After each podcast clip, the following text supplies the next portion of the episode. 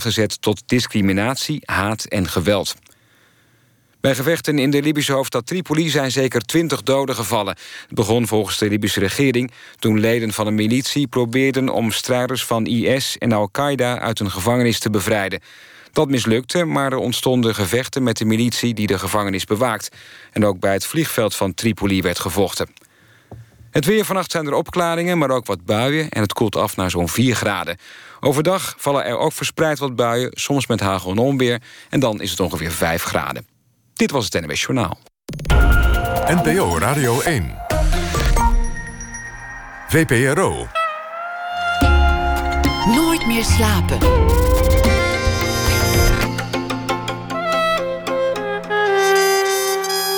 Met Pieter van der Wielen.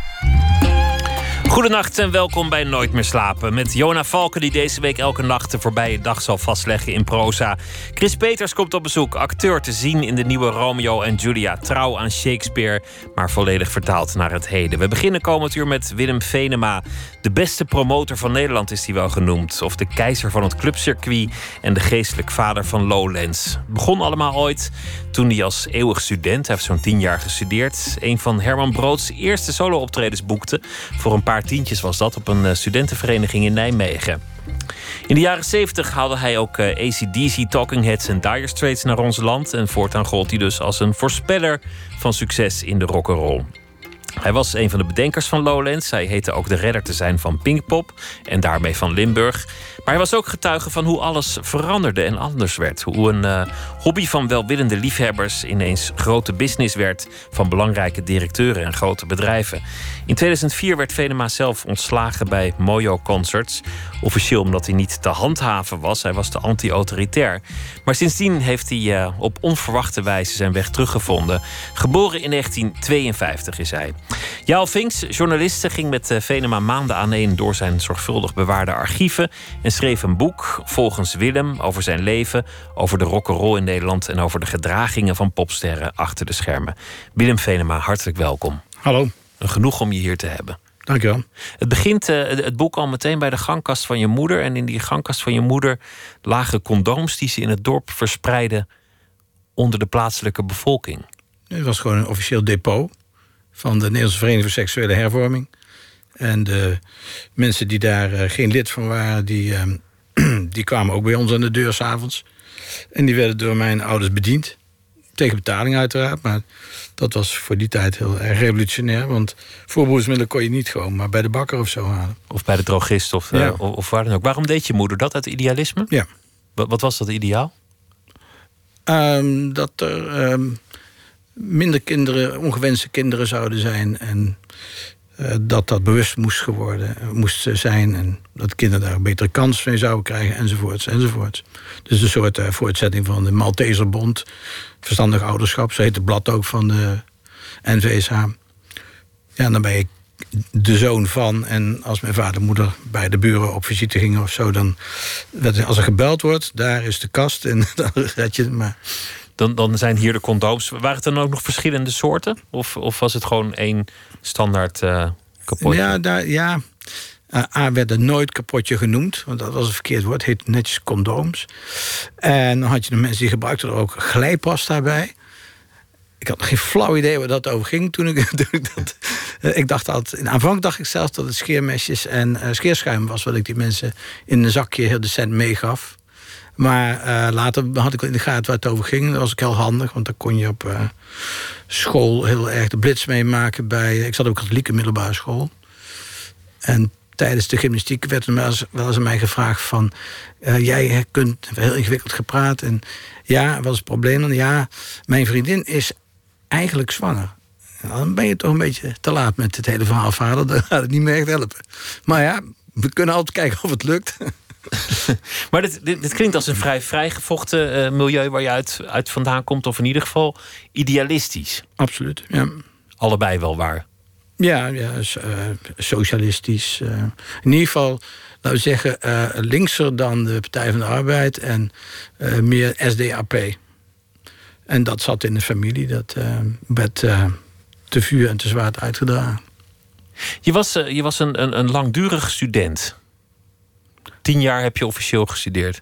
ik, werd, ik heb me na tien jaar uit moeten schrijven omdat het toen echt niet meer nodig was. Ik heb denk ik actief twee jaar gestudeerd en de rest was je student? ondergedoken om te, te zorgen dat ik uit de militaire dienst bleef. Want dat, dat zag ik niet echt gebeuren en dat wilde ik ook niet. Maar principieel dienstweigeren was wel een hele hoop extra gedoe.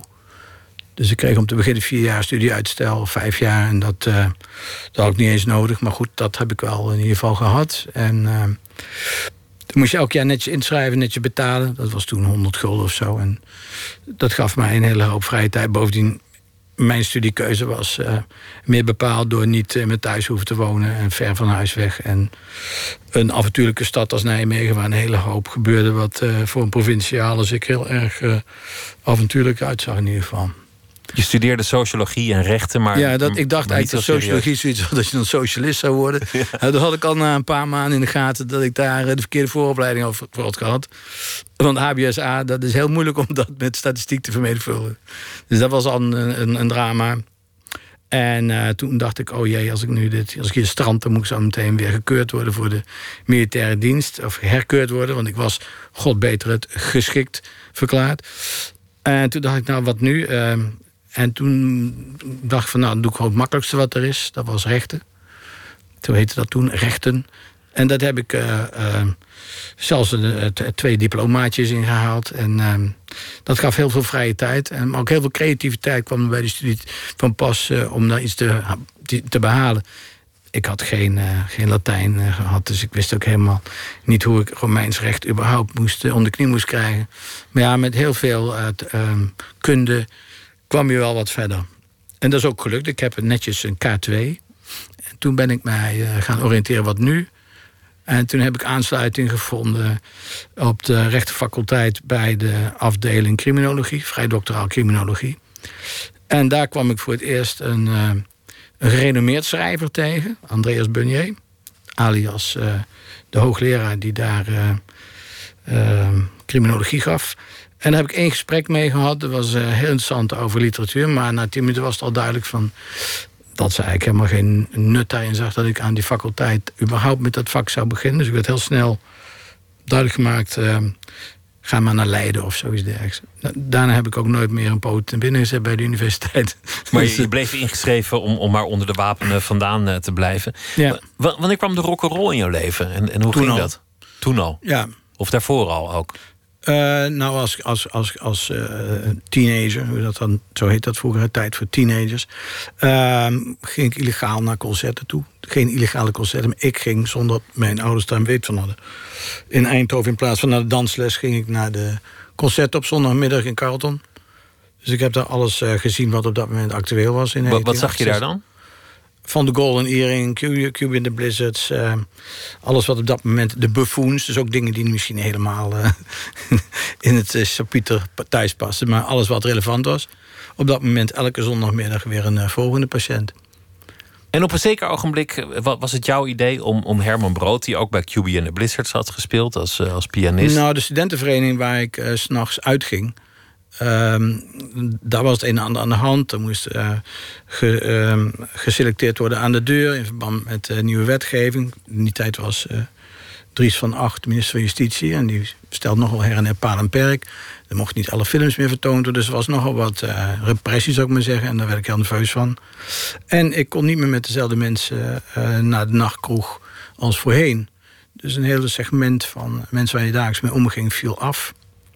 En um, toen heb ik, uh, zoals ook in het uh, boek staat, uit, uit uh, dus ja, en protest de brievenbus gestolen van de studentenvereniging. En het bestuur duidelijk gemaakt dat ik vond dat er geen reden was om die mensen die altijd daar waren gekomen, of ze nou wel of geen student waren, dat die gewoon naar binnen moesten kunnen. Nou, is met heel veel kunst en vliegwerk wel een soort formule uitgekomen. En toen kwam ik ook vanzelf in aanraking met wat daar nog meer in dat gebouw aan activiteiten voor studenten werd georganiseerd. En een van die activiteiten was het organiseren van concerten. Ja, en toen had ik al heel snel in de gaten dat je eigenlijk gewoon kon doen waar je zin in had. Als je maar uh, uh, grote mond en brutaal genoeg uh, was. En die eigenschappen had je? Nou ja, dat had ik eigenlijk van het, initieel niet zo. Maar dat leer je dan daar heel snel bij. Van nou, ik vind die artiest leuk. En verder was toch niemand die zich mee bemoeide. Dus dat criterium wat ik daar eh, eh, heel snel ehm, eh, aanleerde. Vind ik het leuk? Denk dat er ook nog andere mensen zijn die het leuk vinden. Denk je ook nog dat er mensen voor willen betalen? Dat is tot op heden nog steeds het, het leidmotief. Dat is altijd hetzelfde gebleven. Ja. Jij vindt het leuk, iemand anders vindt het leuk. En ze willen betalen, we gaan het doen. Ja, en als het, als het niet nodig is om er geld voor te organiseren, dan is ook prima. Maar meestal heb je er geld voor nodig. En dat, dat, dat, dat was daar nodig. Want er was geen unlimited budget, maar er was wel geld om te verprutsen. En ja, dan maar aan een groep die ik zelf leuk vond. Of een activiteit die ik zelf leuk vond. Laten we het zo over dat geld hebben. Als je dan uh, Herman Brood boekt voor de studentenvereniging... in uh, welk jaar zal het zijn geweest? 1970? Nee, dat was later. Dat was twee, voor mij 75, 76. 75. Dan, dan hebben we het over een paar tientjes. Uh, nee, het ging nog veel uh, gekker. Ik, ik, was op de hoogte van QB en de Blizzard. Ik wist dat Herman Brood daarbij zat. Ik vond dat altijd al een interessant figuur om überhaupt uh, meer van te weten. En hij had kennis aan een Nijmeegse bekendheid, PH Winkels, de schrijver. Die in zijn vrije tijd, dus naast zijn heel ingewikkelde studie en boeken die hij op dat moment schreef, als een soort buddy Herman Brood had. Waar hij ook teksten voor schreef. En die kwam ook in de studentenvereniging Diogenes s'nachts. En soms nam die Herman Brood wel eens op sleeptouw. Nou, die moest een heel erg toeren bouwen om hem binnen te krijgen. want om twee uur ging eigenlijk pas het echt lopen s'nachts. En uiteindelijk is hij ook al een paar keer daar geweest. Toen hebben we ook mee kennis gemaakt. En toen dacht ik van ja, als hij dan toch een nieuwe band heeft... toen had hij net een nieuwe band... Ehm, dan moet ik die maar hier als op laten treden. Dus tot mijn niet geringe verbazing stond ook op een avond... toen ik als schoonmaker ook nog de rest van de uren vulde stond er uh, Herman Brood voor de deur met de vraag: kan ik hier vanavond niet optreden? Dat was natuurlijk eigenlijk de vraag van, kan ik geld krijgen? Want ik moet uh, aan de slag. Um, en toen zei ik, ja, er maar geen hond hier, dus uh, ik vind het wel leuk als je wil optreden. Dan zeg maar die contact moet opnemen. En toen moest ik contact opnemen met Erik Strak van Schijndel. Dat was toen dus later de zanger van uh, Phony and the Hardcore. En daar heb ik toen de afspraak meegemaakt van... nou, kom maar met die band. En uh, het bestuur, de rest van de mensen die dan daar de baas speelden... die vonden het eigenlijk heel dom, want er werd veel te veel geld aan uitgegeven... zou niet terugverdiend kunnen worden. Maar dat vond ik toen eigenlijk niet zo belangrijk als ik maar kon op trainen. Nou, toen waren wel 60 mensen die betaald hadden. Allemaal, denk ik, mensen met dezelfde interesse. En dat was de eerste keer, maar daarna nam het een enorme vlucht. Uh, überhaupt in Nederland en vooral in Nijmegen. Dat ging echt van... uh, van 60 mensen naar, uh, naar 600 in een andere locatie van de universiteit. En vervolgens naar het Concertgebouw de Vereniging met 1800 man. Ja, toen had ik het even gemaakt, kennelijk in die scene. Dus toen mocht ik meedoen. En zo begon jouw carrière als promotor. Maar dit, de bedragen, als je door het boek heen kijkt, worden, worden steeds groter.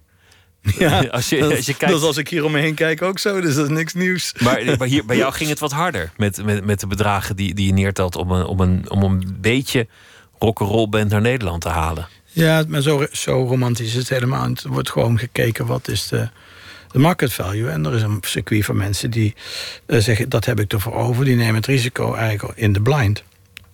En als je het boek goed leest, dan merk je ook dat dat uh, promotorschap een hele andere dimensie heeft gekregen. Het is niet meer zozeer heb ik een idee over mensen te komen. Het is een soort handel uh, met bijhandel. Ehm, het gaat niet meer per se of er genoeg mensen komen en genoeg betalen. Het gaat erom wat het hele pakket, inclusief het verkopen van het kaartje, allerlei andere zaken die mee kunnen spelen om, om daar iets aan te verdienen. Of dat totaal iets oplevert, dat is waar het uh, anno 2018 om gaat. Het mogen duidelijk zijn dat ik daar niet van, van die secte dat ik daar niet goed in ben. Dat is ook gebleken. Dat lag je eigenlijk niet, die veranderende wereld. Ik vind het een verkeerde volgorde van bewerking. Ik, uh, ik vind het organiseren van een concert leuk. Ik vind het uh, spannend genoeg om te bedenken wat de oorspronkelijke taak van de promotor is. Namelijk het inschatten van hoeveel mensen gaan er komen. Wat moet je daar voor entree voor rekenen om het te laten uh, lukken. Om er zelf ook niets aan te verdienen, niet te vergeten. Ehm, ja, dat is nu anders. De grootste concertpromotor ter wereld uh, heeft drie takken van sport, management, concerten en kaartverkoop. En er wordt niet gekeken of het verkopen van, uh, of het, het welslagen van het concert, dat is niet nummer één. En dat, dat, ja, dat is niet mijn geloof. Ik ben van de verkeerde generatie of van de verkeerde stempel of wat dan ook. Ik vind het belangrijker dat nou ja, wat ik net al zei, dat ik denk dat het zo is. Dat is misschien heel egoïstisch, maar dat telt toch mee. Dat oren voor moet je hebben. En het goed inschatten en ook bedenken van... is de artiest waarvoor je doet wel uh, mijn cup of tea. En... Het gaat jou uiteindelijk toch om de muziek. Jij, jij zou niet zoveel lol hebben als je... Uh, nou ja, een, een of andere gigantische clown neerzet of een, uh, of, oh ja, een productie. Ik vind, ik vind, heel veel vormen van entertainment vind ik leuk. En vooral als ik het zelf leuk vind. Uh, nee, ik heb heel veel verschillende soorten gedaan. Wat ik leuk vond. Maar ik kan gelukkig. Ik ben geen clown. Ik ben ook geen muzikant. Ik kan, kan geen noot lezen. Ik heb het een jaar lang geprobeerd op de muziekschool. Er werd helemaal niks. Dus ik, ik heb een hele andere uh, drive dan iemand die op het podium staat. Ik heb ook dat, dat gaandeweg pas meegemaakt van... oh ja, iemand moet het aankondigen. Oh, nou, is er niemand? dan doe ik het maar zelf. Het is echt allemaal gebeurd. Er is niks echt gepland van... nou, dan ga je eens naar school en dan ga je dat en dat leren... en dan ga je later dit en dat. Dat ging helemaal niet zo. Dat is, dat is ook, denk ik, voorbij. En men gaat nu naar de SMSO Academie en bla bla bla. Ja, dat, dat was toen niet, bestond ook niet. Het was gewoon toeval. Je begon en het werd groter en, en groter. En um, doet het toch pijn dat je ontslagen bent? Zit, zit dat je nog dwars? Ja, toen, toen nee, uh, eruit werd gegooid? Ik vond het op dat moment wel een beetje flauw. Uh, en zeker het argument en de omstandigheden. Uh, maar juridisch was er weliswaar een weg terug, maar het was een een voor mij verschrikkelijk onaantrekkelijk alternatief. Opnieuw in dienst genomen worden en een andere functie misschien krijgen bij een bedrijf wat iedereen in loondienst heeft. Dat, dat is de consequentie van het verkopen van het bedrijf. Dus dat was, zoals mijn vrouw wel zegt, dan was je zes plankjes naar buiten gebracht. Dus dat was niet echt een, uh, een optie. Maar dat wil niet zeggen dat het daarom leuk is of dat je daarom het begrijpt. En het niet begrijpen daarvan, dat, dat heeft natuurlijk meegespeeld. Want je begreep het niet? Nee, niet echt. Het was, het was ook een onderdeel van het, het spel... hoe je naar de buitenwacht je het ook overkoopt. En ik dacht dat ik daar uh, niks verkeerd gedaan had. Het was ook wel een teken dat een bepaalde tijd voorbij was. Dat, absoluut. Dat, dat de, de, tijd ja. van de welwillende hippies, als je het zo wil noemen... die, die de rock'n'roll naar Nederland brachten... achter ons lag en dat nu de, de grote zakenwereld het gevonden had. Ja, maar kijk, er waren verschillende, uh, um, verschillende bloedgroepen... En uh, de bloedgroep, als ik het zo mag noemen, waar ik van ben, of ik bij hoor, die heeft het verloren. En dat wil niet zeggen dat je allemaal out of business bent of niks meer kunt doen, maar in die vaart der volkeren uh, doe je niet meer mee. En ja, er werd, werd vrij veel georganiseerd wat heel goed was voor het bedrijf, maar waar ik stel van ja, prachtig dat dat een hele hoop uh, financiële zaken covert. Maar om nou te zeggen dat ik uh, en, en, en de, de Chippendales... of ik dat nou uitstekend interessant vond... Nee, ik had mijn eigen Chippendales die uh, veel ordinairder en veel slechter waren. Daar gaan we het straks nog over hebben. De, de, de liefde voor de funzigheid, die er ook altijd was. Maar we gaan eerst luisteren naar uh, Cranberries. Want uh, de zangeres Dolores O'Riordan is overleden. Veel te jong, 46. En we gaan luisteren naar een nummer dat ehm, staat op een plaat van vorig jaar, Something Else. En het nummer heet Rupture.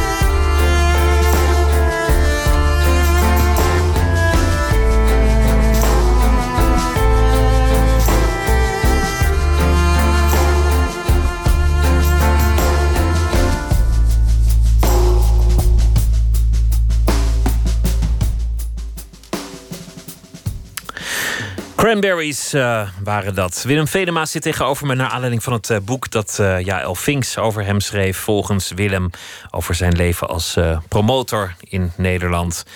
We hadden het over het eerste concert dat je organiseerde in Nijmegen voor de studentenvereniging. En vanaf dat moment begon het gewoon. Je, je haalde bands die jij zag zitten naar Nederland. ACDC, Talking nou, Heads, niet, Dire Ik moet even correct vertellen voordat mensen zich beledigd voelen die meeluisteren.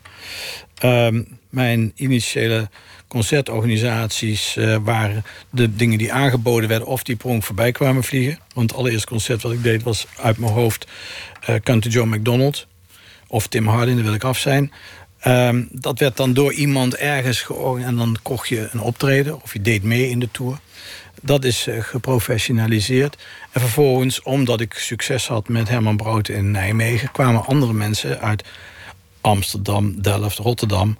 Uh, werden op tent gemaakt van dat je maar eens met de idiota in Nijmegen moest praten. Want die deed dat ook heel aardig. Kwamen veel mensen. Dus ik werd steeds meer uh, um, onderdeel van het circuit wat uh, bands aangeboden werd. Dus toen werden ook de bands aangeboden. Weliswaar op een hele primitieve manier. Want mijn avonturen met Theo van der Hoek van het bureau van Paul waren heel merkwaardig. Hè. Je luisterde naar het singeltje van Dire Straits door de telefoon. Oh, dat is een leuk nummer, ja. Oh, dat zou wel eens iets kunnen worden. Nou, laten we een concert maar doen. En zo ging dat ook. Uh, dus um, om te zeggen dat ik het, het, Men noemt het halen na. Ja, ik haalde het wel naar Nijmegen, maar niet naar Nederland. Ik was geen uh, promotor zoals ik dat nu doe. Of zoals ik dat bij Mojo gedaan heb. Of zoals Mojo dat deed. En dan is natuurlijk ook nog het verschil van... neem je zelf het risico of verkoop het aan iemand anders? Nou, in de tijd nam ik met de studentenvereniging het risico. En op een gegeven moment toen die niet meer mee wilde doen uh, moest ik het zelf ophoesten. En later werd ik ingepalmd door, het, uh, uh, door mooie concerts en deden we dat samen. dus het is niet helemaal correct om het zo te stellen, maar voor de, de goede gemeente is het, beter makkelijker te begrijpen als je het zo zegt als je het net zei. Ja, dat, dat, daar komt het toch een beetje op neer dat je ineens promotor was. Dat je ineens het risico nam om een band ergens neer te zetten en dan maar hopen dat iedereen een kaartje koopt. Ja. En soms ging het goed, gelukkig. Daarom zit je hier ook. Het ging meestal uh, goed en daardoor bouw je ook je reputatie op. En er waren ook een paar totale miskleunen hoor, die, uh, die ik me nog goed kan heugen, maar waar ik nogmaals geen spijt van heb. Kijk, als uh, je Chuck Berry aangeboden krijgt en je hebt al een aantal jaar erop zitten met Herman Brood, die zweerde bij, bij Chuck Berry. Als, als ik in het voorprogramma mag. Nou ja, toen heb ik dat gedaan. Maar misschien wel veel te enthousiast, te groot. En dan kun je zeggen, ja, dat is financieel een debakel. Maar je kunt ook zeggen, nou, het was heel leuk om te doen. Het kon uit, uh, nou, why not? En dat gold voor nog een paar. Uh, Ian Dury en de Blockheads was de eerste keer ook een, een, een, een redelijk fataal concert. En er zijn wel meer totale mislukkingen geweest. Maar dat hoort ook bij het promotorschap. Anno 2018 moet je afvragen of je dat kunt trekken. Want dat is toch een ander verhaal dan uh, 30 of 35 jaar geleden. Er staan veel anekdotes in natuurlijk over popsterren. En dat gaat het heel vaak over seks en heel vaak over drugs en, en andere vormen van wangedrag. Heel in het begin drink je nog wel eens wat. En, en één keer heb je, heb je heroïne gerookt. Maar daarna was dat totaal niet hoe jij erin stond. Geen drugs, geen drank. Nou, ik ben van uh, sowieso nooit zo'n uh, uh, zo'n drugstype geweest. bier wel. Uh, er was een strikte scheiding uh, uh, vanuit het geloof van Koos Zwart bij de Vara op zaterdagmiddag. mensen die bloden, die drinken niet en omgekeerd. en ehm, heroïne al helemaal niet. Dat hoort helemaal niet bij het geloof.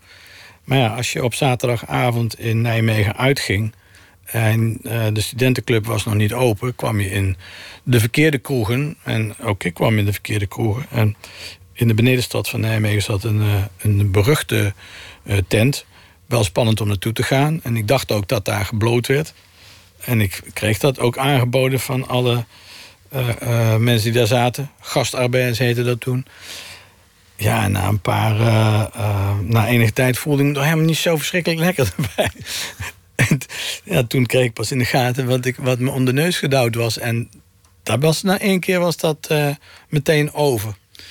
En na mijn eerste concert met John Cale, wat ook een van de eerste concerten was, de ervaring met die man, uh, allemaal hartstikke spannend en, uh, enzovoort. Alleen dat, dat, dat, dat, gaat niet, dat, de combinatie, dat gaat niet. Hier moet ik uh, altijd boven blijven staan. En dat heb ik dan ook gedaan. Dus ik ben met alles opgehouden. Want dat was ontluisterend, John Kill, in die jaren. Zoals hij ik zich gedroeg. Niet alleen John Kill, maar of het nou Johnny Thunders was... of dat het nou een straalbezopen Jeffrey Lee Pierce was... of wat dan ook.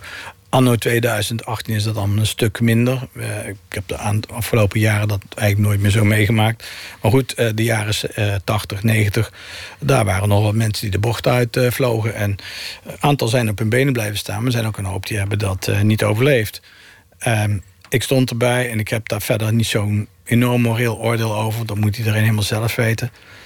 In het boek staat ook een anekdote over Nico van de Velvet Underground. Die mevrouw was, toen ik de concerten deed met haar, was ze 49. En toen was ik geloof ik 35 of 30 of zoiets. Dan ga je niet tegen iemand van 49 zeggen... nou mevrouwtje, houdt u toch eens op met die drugs. Eh, die mevrouw was een eh, erkend en gerenommeerd junkie. Dan moet je niet denken dat je het beter weet. Je kunt daar wel eh, eh, medisch een oordeel over geven... maar die mevrouw, dat was haar leven. Maar dan kan het ook zo zijn dat jij als promotor... om het optreden door te laten gaan even wat moet halen. Ja, nou dat is ook een, een, een, een, een romantisch beeld dat ik dat ga halen. Ehm, je hebt een, eh, een, een, een, een netwerk van mensen die weten waar het gehaald kan worden. En eh, voor, elk, voor elke eh, hobby zijn mensen in te huren. En dat is bij popmuziek niet anders zo geweest. En hoe het anno nu gaat, weet ik. Ik heb eigenlijk geen, geen dopies meer op mijn, eh, op mijn repre- list, of represent, list of representation staan.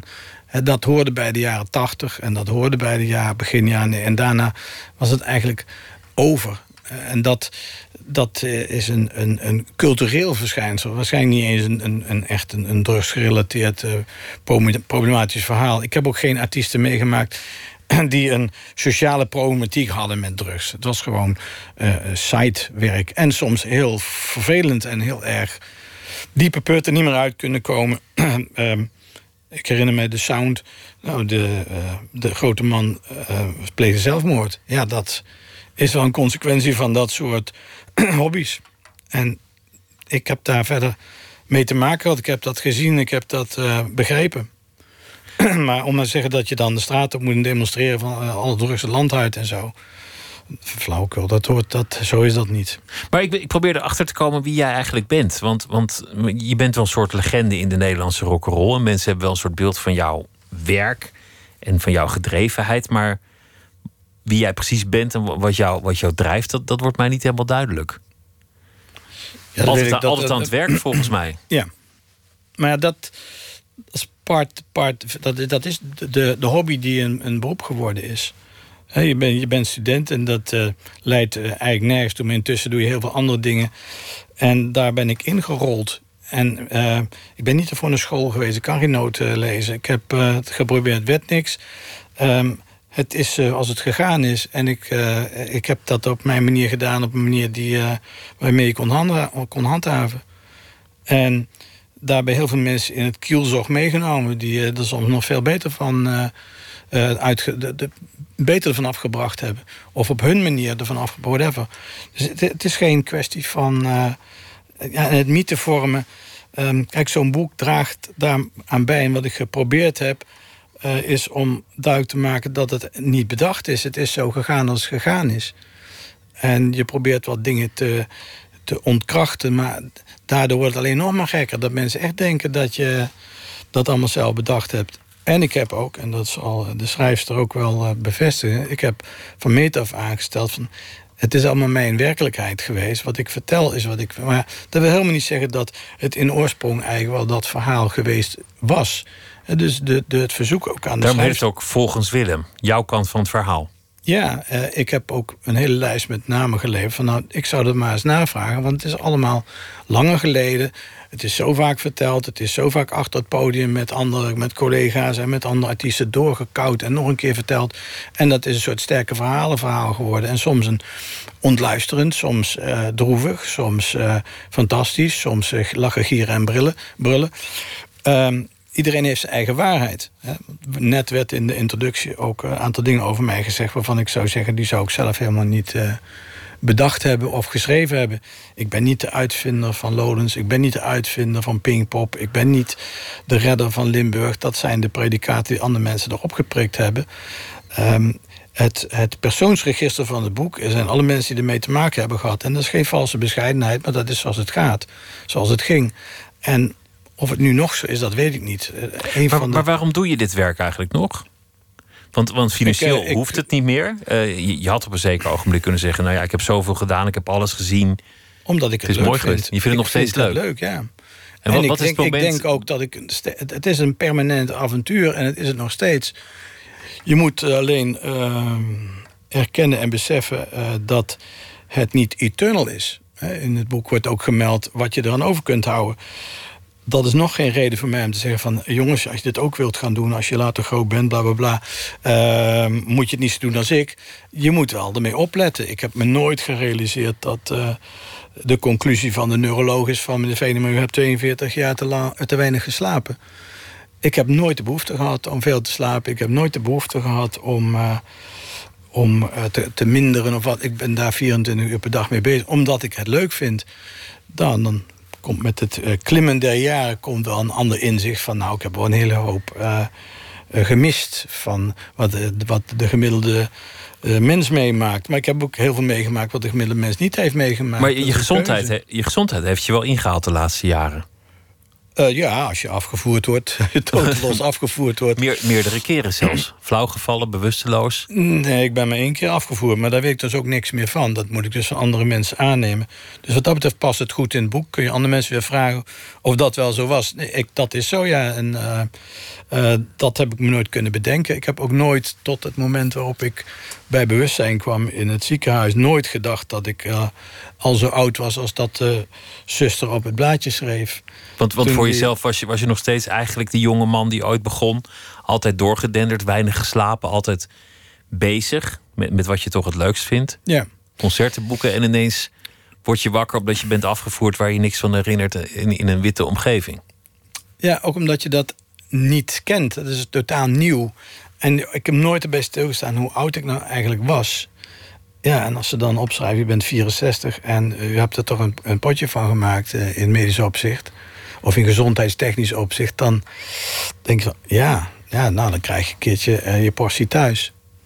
En ja, dat probeer ik wel eens tegen mensen te zeggen, die, ik ook heel fanatiek zie starten en zie uit, uit, uit de, de stijgbeugels omhoog springen. En dat, ja, dat is ook iets. Ik, heb daar, ik had daar geen ervaring mee. Nu weet ik van ja, hè, uh, daar moet je wel mee oppassen. Want, want, vroeger was het zo dat je elke avond wel ergens bij een concert in den landen stond, ergens in een club, altijd s'nachts en, en s ochtends vroeg zat je alweer te bellen. Ja, alleen het bellen is een stuk minder anno 2018. Want het is mailen... e-mail geworden. Maar ja. toen kun je, daar hoef je niet per se morgens vroeg te doen. En daar heb je ook wel gelijk in. Um, het, is, het is veranderd. Dus je, uh, het autorijden, dat hoeft ook niet meer per se. Vroeger reed ik, ik weet niet hoeveel uh, per jaar. Alleen als jij, uh, wat misschien heel weinig mensen realiseren... maar een geregistreerde epileptische aanval... dat kost je een half jaar ontzegging. En dat betekent dat je niet mag autorijden. Als jij een jaar lang geen auto gereden hebt... dan is dat heel merkwaardig om weer achter stuur te zitten... en iedereen heel erg hard links en rechts je voorbij ziet gaan. Of dat je drie uur in de file staat. Dat kan in een jaar kan daar heel veel uh, perceptie uh, veranderd zijn. Ja, en dan weet je gewoon dat je geen 18 meer bent. En dan ben je echt 65. En uh, mijn grootvader heeft niet eens meegemaakt, 65. Ben je dan ook bezig in zekere zin met je, met je nalatenschap? Moet, moet ik zo dit boek zien en dat, en dat Ja, dat lijkt wel een beetje zo. Dat lijkt wel een beetje zo. En, en, maar ik moet er ook bij zetten, er zijn meerdere verzoeken geweest om een boek te schrijven. Ik heb ook al vaker, dat moet ik misschien zelf doen... maar ik heb daar gewoon simpelweg geen tijd voor. En deze gelegenheid uh, kwam langs en ik kende uh, de vriend van de schrijfster. En toen dacht ik van nou, misschien dat ik daar wel een, een, een uh, vertrouwelijkere afspraak mee kan maken dan met het gemiddeld journaal. Of als ik het zelf zou schrijven, dan zou ik met niemand afspraak hebben hoeven te maken. En dus de, de, de procedure van uh, het boek schrijven is ook geweest van hier is alles. Mijn hele dagboek, alles wat ik niet heb weggegooid. plus de vragen van de schrijfster over wat ze dan al niet gezien heeft. Dat is uh, 100%. Alleen het is evident dat ik dat niet allemaal in een boek hoef te hebben. Maar je hebt, je hebt al die jaren heel trouw alles, ja, dingen opgeraapt, dingen nou. Dat is niet helemaal trouw. Dat is ook uh, uh, een iets wat te simpele, simpele um, wat te simpele idee. Um, toen ik voor het eerst ging verhuizen en toen ik moest verhuizen naar het westen des lands, had ik allemaal stapeltjes overal in Nijmegen op mijn kamer liggen. En uh, dan doe je al die stapels in een kartonnen doos. En denk je, ja, het is toch wel jammer om dat contract van die en die weg te gooien. Of de promotiefoto's van dat of dat. Of uh, uh, wat er in die tijd speelde. En toen ben ik begonnen met, naar aanleiding van een, een bijzondere ontmoeting met de schrijver Willem, Willem uh, Oltmans. Die had een dagboek in zijn kamer, in zijn huis waar hij woonde, door de hele kamer heen. En ik was er zeer door, ja, door getroffen. Want toen dacht ik van, oh, dat is ook een methode om al die shit op te ruimen zonder het weg te hoeven te gooien. En toen ben ik begonnen met dat in uh, een ordner te doen elke keer. En op een gegeven moment had ik zoveel ordners dat ik er ook op moest schrijven welk jaar het was. En dat is uit de hand gelopen. En dat is nu iets van 50 meter. En dat was waar ik Jaël van gezegd van, this is it. Hier zit alles in wat ik zeker weet wat voorbij gekomen is. En daar moet je zelf een selectie maken, want er zitten ook dingen in die niks te maken hebben met het concert van X, Y, Z. Dus dat hoeft sowieso niet in het boek. Mijn trouwboekje hoeft niet in het boek. En eh, zo zijn er meer dingen die uh, niet, zo, niet zo belangrijk zijn... maar die wel een beeld voor degene die het boek schrijft... kunnen vormen van hoe het compleet is. Want dit gaat heel erg over de, over de geschiedenis van jou als promotor... en over, over de rock'n'roll geschiedenis in Nederland... En, uh, en, en de popgeschiedenis van Nederland. Maar er is, er is ook nog een, een, een mevrouw Venema. Die wil niet in beeld. Die, die wou niet in beeld. Nee. En je, je, hebt ook een, je hebt ook een dochter. Die hebben we ook uh, min of meer uit beeld gelaten. Maar um, die vindt het allemaal leuk. Dat is allemaal, en ze vindt het allemaal leuk. Maar dat, dat, dat, is eigenlijk niet waar ik dagelijks mee bezig ben. Dat is ook niet de poppromotor Venema. Kijk, wat mijn beweegredenen zijn om met popmuziek te bemoeien... dat is iets anders wat ik thuis uh, aan familie heb zitten. Begrepen zij het altijd, dat je vaak weg was? Nee, daar heb ik ook absoluut uh, misschien wel het een en ander verwaarloosd. Uh, maar dat ging zo. En ehm, dat was niet boos opzet of zo. Zo ging dat. En dat is ook eigenlijk wat ik hoop dat er uit het boek... voor die mensen die dan heel nieuwsgierig zijn uit uh, mogen blijken. Het is geen opzet, het is gebeurd. En ik heb er geen centimeter spijt van. Je kunt wel zeggen dat ik misschien een aantal dingen slimmer had moeten aanpakken. Of minder impulsief, of minder emotioneel, of zakelijker enzovoort. Dat, uh, ja, uh, Rick Zaal heeft een keertje een stukje over mij geschreven in de Volkskrant. Met een lullige foto erbij. Die foto was echt, was echt in een korte broek. En daar stond worden als zakenman verklede hippie. Nou, daar waren ook wel ik heb ook wel eens interviews gedaan waarbij dan iemand dat verkeerd uit zijn hoofd geleerd er werd omgekeerd. Ja, uh, wat, is, wat is werkelijkheid? Uh, wat ik nu zeg, dat weet ik zeker dat dat redelijk in de buurt komt. Maar je bent wel rijk geworden. Pardon? Rijk geworden. Je, nou, was dat maar zo. Dat valt reuze mee. Valt mee? Ik heb geen, uh, ik heb geen armoede of zo meegemaakt. Maar dat was wel van hoge toppen naar diepe dalen. Ja, bedoel, als student heb je niks. Als je je geld verliest met een concert heb je niks. En als het een paar keer goed gaat heb je wat meer ik ga hem niet over beklagen, maar het is niet zo dat ik nou op kan houden met werken.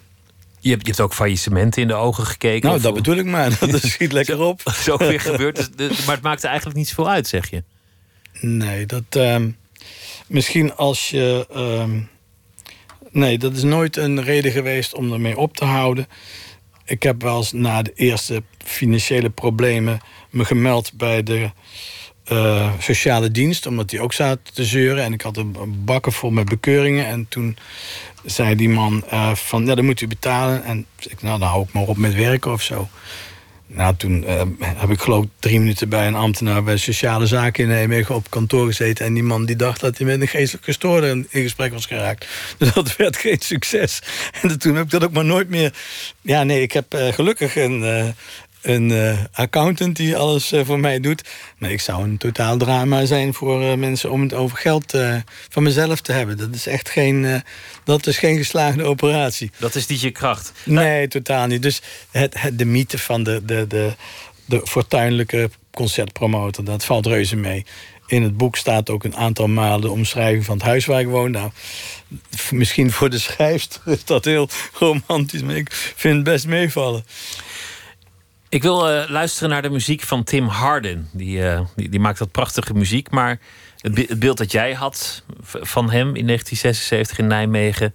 dat was toch minder rooskleurig? In de woorden van uh, een van de vroege directeuren van Mojo... die heeft over dit boek, gezegd ontroerend, ontluisterend enzovoort. Nou, ik vond Tim Harden...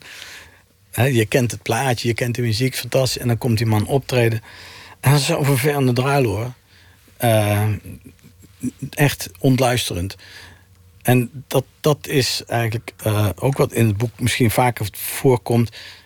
Um, op een gegeven moment gaat er de jus ervan af. Dan denk ik, nou, hè, ik heb Prins in Paradiso gedaan. En daarna krijg je het hele circus met bodyguards en poppenkast en, en managers en whatever. Uh, dat is niet altijd het hoogtepunt in de carrière van zo'n artiest. En dat is bij mij ook zo. En bij Tim Hardin was dat al... Uh, en toen was die man eigenlijk al als een teleurgang begonnen.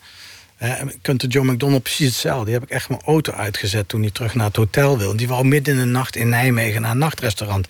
Dat is er niet, dat was er niet.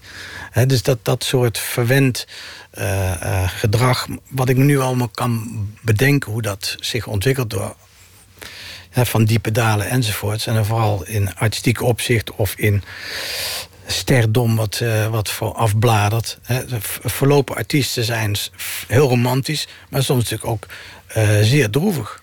Maar ik heb daar iets mee. Ik heb, ik heb iets met artiesten waar, um, waar de glans af is... of die juist op, op opnieuw instappen. Je hebt in het boek ook de foto van Solomon Burke gezien. Nou, die was toen, die, uh, toen uh, voor het eerst ontmoette, was dat niet echt een, uh, een coming star meer. Die was, had het al gehad. En daarna kon ik dat helemaal weer opbouwen, alleen in Nederland. Er zijn meer artiesten waar ik dan best trots op ben... dat het alleen maar in Nederland gelukt is. Ik heb een band uit Californië waar de hele wereld nog nooit van gehoord heeft. Behalve misschien Pink Floyd, omdat ze daar de vocals gedaan hebben bij de World Tour. Maar Venice kent niemand in Nederland... En dan vind ik het niet zo belangrijk of mensen die muziek pruimen. Of dat uh, ik ken die mensen, die hebben vertrouwen in mij gesteld. We hebben een goede relatie, de shows zijn uitverkocht. Uh, dat is waar het om gaat. Dat is waar mij het om gaat. We gaan luisteren naar eh, Tim Harden met uh, Reason to Believe.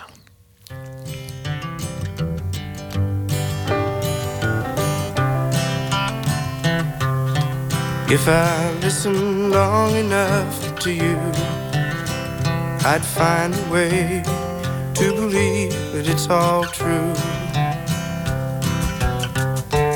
Knowing that you lie straight face while I cry. Still, I'd look to find a reason to believe. Someone like you makes it hard to live without somebody else. Someone like you makes it easy to give. Never think of myself.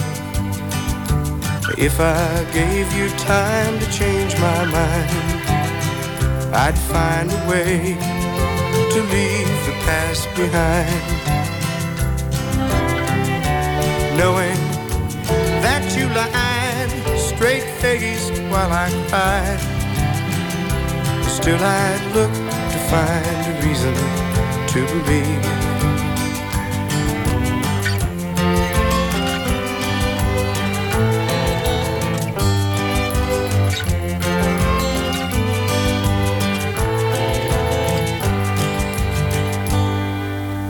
If I listen long enough to you, I'd find a way to believe it's all true.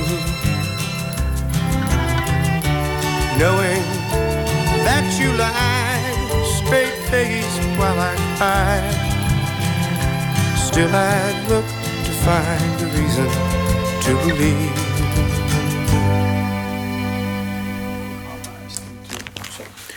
Tim Hardin met uh, Reason to Believe in de woorden van Willem Venema, een, uh, een druiloor.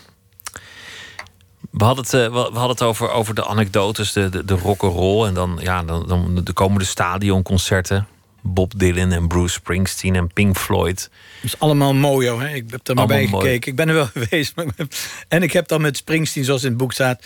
tot mijn uh, wapenfeitenkunde... ik één keer in mijn hele leven met die man van uh, ongeveer van het podium... naar het einde van het stadion heb gelopen om... Uh, van hem te horen dat te krijgen dat de delay stacks goed stonden. En toen kreeg ik ook meteen, zoals ook in het boek staat op mijn lazer van de technisch directeur van het Feyenoordstadion. Dus dat is mijn enige ervaring. Omdat je over het gras liep? Bruce Springsteen. Want je mag niet over het gras lopen. Nee, er mocht niks op het gras staan. En eh, echt, ja, dat hielp niet uh, het Feyenoordstadion... de reputatie wat ze graag had zouden willen houden. Ik vind het wonderlijk dat, dat, je, dat je er nog bent en dat je je staande houdt in die wereld. Hoewel je er ook een, ja, dat, dat liet je net ook al blijken, een soort afkeer van hebt. Want je zei, ja, het gaat nu tegenwoordig echt heel erg om het geld. En vroeger ging het toch ook wel over andere dingen. Maar of het een mooi concert is, dat interesseert de huidige promotoren gewoon helemaal niet. Ik zeg niet allemaal. Er zijn natuurlijk mensen die nog steeds een uh, heilig geloof hebben in wat ze doen. Maar ik, heb, uh, ik ben ook nog muziekliefhebber en per ongeluk in deze handel terechtgekomen. Dus dat kleurt je, je, je idee daarover. En ik word niet meer jonger, ik word ouder. En ik kijk terug. Ik kan niet zo makkelijk uh, als voorheen uh, vooruitkijken. En dat heb ik ook nou eens gedaan. Want het gebeurde elke dag heel snel allemaal tegelijk. Ik denk niet dat, dat, uh, in, dat je dat nog kunt herhalen. Dat lijkt me niet echt makkelijk anno 2018. Dat denk ik niet. Maar het, de, de weg omhoog, want, want het was de entertainment group, Marco Borsato, die ging failliet, sleurde jou eigenlijk ook wel een beetje mee naar, naar, naar de put. En toen, toen was je al ontslagen bij Mojo. En toen is, is het Guus Meeuwis geweest, waarmee volgens mij jouw wederopstanding, als ik het zo mag noemen, Echt ja, zo wordt gezien, maar ik, ik, heb eigenlijk, ik ben nooit failliet geweest. Ik heb mijn uh, winkel verkocht. En die had ik aanvankelijk verkocht aan uh, een totale weirdo uit Amerika. En uh, de entertainmentgroep had ook een oogje op mijn winkel, omdat ze ook een soort vierend, uh, hoe heet dat toen, een, een 360 graden modelbedrijf voor ogen hadden. Dus daar paste natuurlijk een winkel met, met een promotor en met een, een, een, boekingskantoor prima bij. Dat was ook helemaal niet zo'n raar idee. Alleen het is daar uit de hand gelopen. Heel een van de meest bizarre uh, ervaringen uit mijn uh, carrière tussen aanhalingstekens. Dat een curator mij uh, uitlegt dat er nog geld te goed is bij, geld staat bij de belasting om terug te betalen.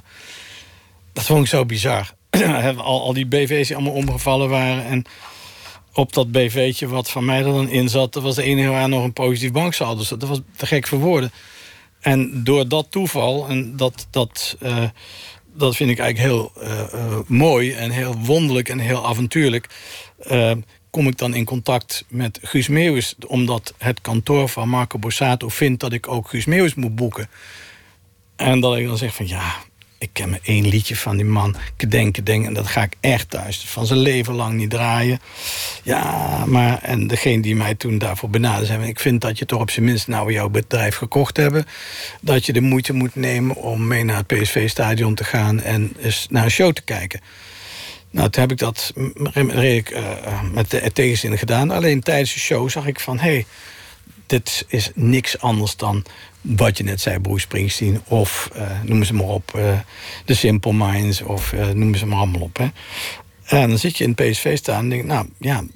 deze mensen die hier zitten zijn zeker niet wat ik altijd van andere mensen heb moeten geloven... over de following van Guus Meeuwis. Vervolgens werd ik gevraagd of ik toch even de beleefdheid wilde hebben... om in de catacombe van het PSV-stadion kennis te maken met Guus Meeuwis... die ik nog nooit gesproken of gezien had. En toen ben ik door een Haag voetballers heen ge, uh, gecoacht. En toen heb ik Guus een hand gegeven. En toen een zei, oh jij bent die en die. Ja, denk je niet dat ik nou eens een keer in Paradiso kan spelen? Dat was het eerste wat hij zei. En dat vond ik zo ongelooflijk. Dan sta je vier dagen in een uitverkocht PSV-stadion. Je hebt goud, zilver en platina enzovoort. En dan heb je nog nooit in Paradiso gespeeld... omdat het zo niet zou mogen. En toen ik, ja, nou ja, dat lijkt me niet het allermoeilijkste dat, uh, ja, en ik zou ook wel eens een keer op Pinkpop willen spelen. Nou, dat heeft wel heel veel jaar geduurd voordat ik dat voor elkaar had. Maar dat Paradiso, dat was vrij snel geknipt. Maar ook bij Paradiso was het een hele grote weerstand... om Guus Meeuwis in Paradiso op te laten treden. En later is het je zelfs gelukt in de Royal Albert Hall in, in, in, uh, in Londen. En zelfs ja, nou ja, in, Olympia, dat, Parijs. Op het moment... Ik, ik heb me Guus op een hele andere manier eh, als, als, als partner, als uh, opdrachtgever gezien. En het boeken van Guus Meeuwis heb ik ook op een andere manier gedaan. En gelukkig ook de heel veel support van hemzelf, van zijn vader en van zijn management gekregen. Van zo wil ik het. Wat vind jij ervan? Dus dat was de opdracht. En de opdracht uitvoeren en kijken of je dat uh, zo kunt uitvoeren als artiest zich dat voorstelt. Dat vind ik een ideaal beeld van een boeker, promotor enzovoort. En die shows in Engeland en in Frankrijk. Ja, dat, dat, dat was eigenlijk uh, mooi en bizar en ongelooflijk van een hoop mensen. Maar zo ging het echt van... wat denk je, zou ik niet eens in de Royal Albert kunnen optreden? Ja, god Guus, dat valt niet mee. Ik moet daar echt mijn best voor doen om iemand te vinden... die ons daar naar binnen kan duwen. Want zo eenvoudig is de Royal Albert Hall niet. Ik kende de promotor van Eric Clapton per ongeluk. Ik had met die man gesproken en die zei van... ja, Eric heeft geen zin om acht shows achter elkaar te doen. Er is één show uitgevallen. Dus die dag is vrij in de Royal Albert Nou, dan wil ik die hebben. En dat zo is het gegaan. Dat is gewoon snel handelen en, en weten wat je wil uiteindelijk. Nou, die, die, die, die directie van dat gebouw snapte er geen hol van. Ze hadden, we hebben daar een drankrecord, eh, een omzetrecord voor biertjes hebben we gehaald. Eveneens in Parijs. Het was ook voor de wedstrijd was, eh, was het bier op. Ik heb die mensen gewaarschuwd van tevoren. Denk eraan, het is een fantastisch publiek. Ze worden niet stom dronken of zo. Maar het bier gaat op. En in Parijs snapten ze er helemaal geen fluit van. Dat, dat drie kwartier voor het eind van de wedstrijd uh, begon het publiek al te lopen. Want was de, was de drank op, het bier was op. Dus het publiek liep naar buiten. De security in Parijs snapte geen fluit van. En het publiek kwam van de overkant van de straat met bier in de hand weer terug. Dus dat was uh, voor die mensen eigenlijk iets van: wat de fuck gebeurt hier? Kijk, daar heb ik dan met uh, Guus heel veel plezier om. En dan maakt het mij niet uit wat andere mensen over Guus zeggen of vinden. Je hebt, uh, je hebt ook altijd de voorkeur gehad voor, voor, het, uh, voor het seksuele, voor, voor funzigheid. Voor, voor ja, hoe zou ik het noemen? Ik, ik weet niet hoe ik het moet noemen. Ja, dat, dat funzige seksuele. Ik, ik, ik vind dat niet helemaal.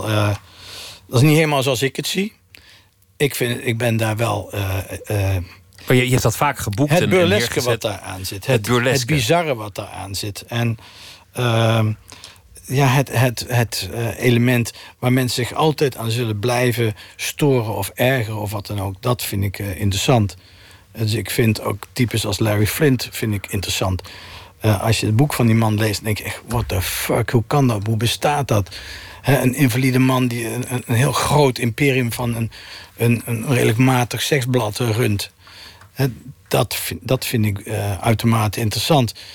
Maar ik las vanmiddag in de Volkskrant dat hele stuk over die schilder die dat schilderij heeft gemaakt uh, van Trump. Zulke mensen vind ik uitermate interessant. En of die dan links, rechts, uh, kaal, groot, klein, dat maakt me eigenlijk niet uit. Ik vind dat interessant. De, de, de, de kitsch of, of eigenlijk het, het, ja, die, die rand, dat vind je interessant. Ja, en ook als zulke mensen een enorm succes hebben. Op Lowlands stonden de artiesten waar een hoop uh, de neus voor op, uh, ophaalt. Vader Abraham en Johnny Hoes zijn geen uh, voer voor het, het popjournaal van Nederland.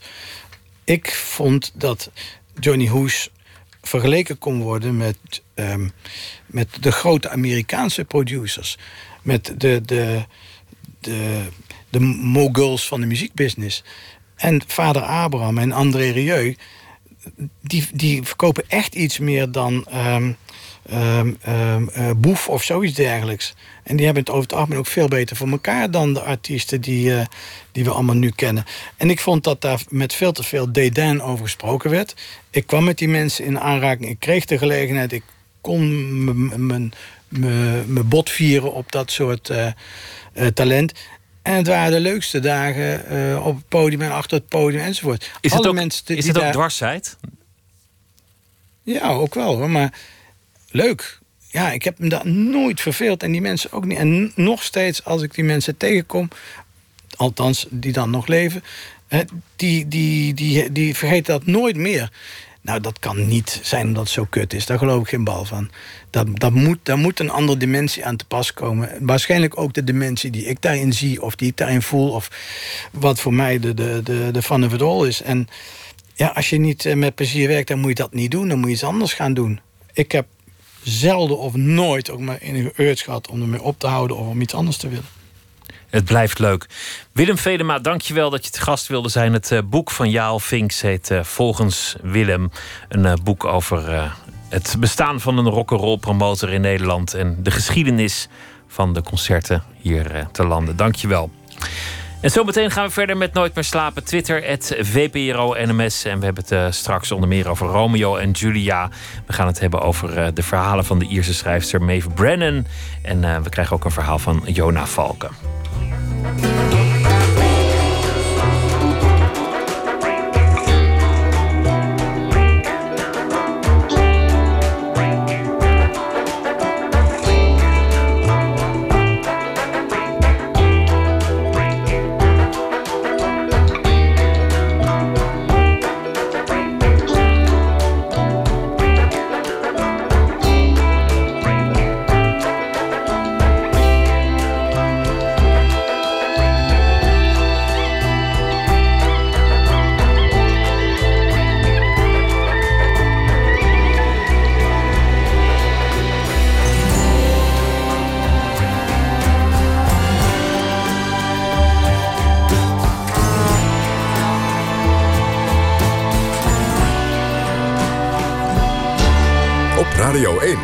Nieuws van alle kanten.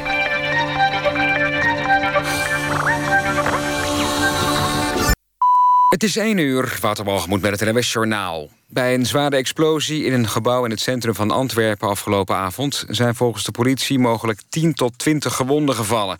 Er zijn tot nu toe zeven mensen levend onder het puin vandaan gehaald. De reddingsactie is lastig, doordat het puin erg instabiel is. De oorzaak van de ontploffing in Antwerpen is nog onduidelijk... maar er zou geen sprake zijn van terreur. Mogelijk is de explosie veroorzaakt door een gaslek. Drie gebouwen zijn zwaar beschadigd. In een van die panden zit een Italiaans restaurant. Ook de 20-jarige turnkampioene Simone Biles is in het verleden misbruikt door een ex-arts van het Amerikaanse turnteam.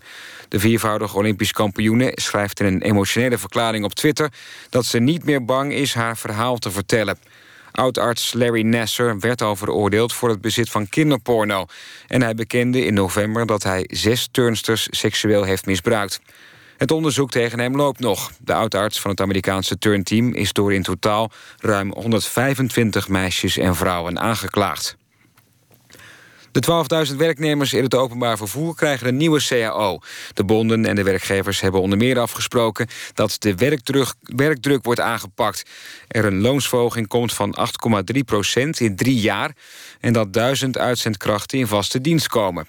Vorige week was er een landelijke staking van buschauffeurs... en een aantal regionale treinmachinisten. Premier Tudose van Roemenië is afgetreden. Hij is de tweede Roemeense premier in korte tijd die weg moet. In juni vertrok zijn voorganger. Oorzaak van de onrust in de regering is een machtsstrijd... binnen de sociaal-democratische regeringspartij PSD. Dinsdag kiest de partij een nieuwe premier... die dan nog wel moet worden goedgekeurd door de Roemeense president en het parlement. Het weer vannacht zijn er opklaringen, maar ook wat buien. Het koelt af naar zo'n 4 graden. Ook overdag verspreid buien en dan ongeveer 5 graden. Dit was het NWS Journaal. NPO Radio 1. VPRO. Nooit meer slapen.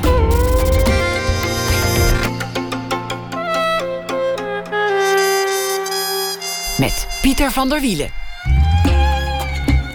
Zometeen komt eh, Chris Peters op bezoek. Hij is eh, acteur. Hij speelde vorig jaar eh, de hoofdrol in de film Tonio. En nu is hij te zien in Romeo en Julia van toneelgroep Oostpol. We hebben de rubriek Oordeel zelf, waarin we lezers vragen wat zij vonden van het boek De Twaalfjarige Bruiloft en andere verhalen van de Ierse schrijver Maeve Brennan. Jona Valken zal deze week elke nacht een verhaal maken bij de dag die achter ons ligt. Hij schildert, maakt muziek en hij schrijft. Zijn autobiografische debuutroman heet Bontebrug. En het gaat over een eh, jonge achterhoeker in de hoofdstad. Jona, goeienacht. Goeienacht, Pieter. Leuk dat je deze week elke nacht uh, een verhaal mag horen voordragen over uh, wat er gebeurt in de wereld. En er gebeurt veel in de wereld. Wat, uh, wat heb je vannacht uitgekozen? het is Blue Monday, was het vandaag of gisteren. Oh, dat, dat is de, de, de rotste dag van het jaar, toch? Statistisch. Ja, inderdaad. Ja. En ja, daar heb ik al een mooi verhaaltje over, hoop ik. Was het voor jou ook Blue Monday of viel het allemaal mee dit jaar? Nou, wel. Ik heb net mijn nieuwe boek afgerond en die ga ik van de week eh, naar mijn uitgever sturen. Dus dat moet ik er een beetje een soort van afscheid van nemen. Nu mogen andere mensen er wat van zeggen. Dus dat voelt een beetje, een beetje gek.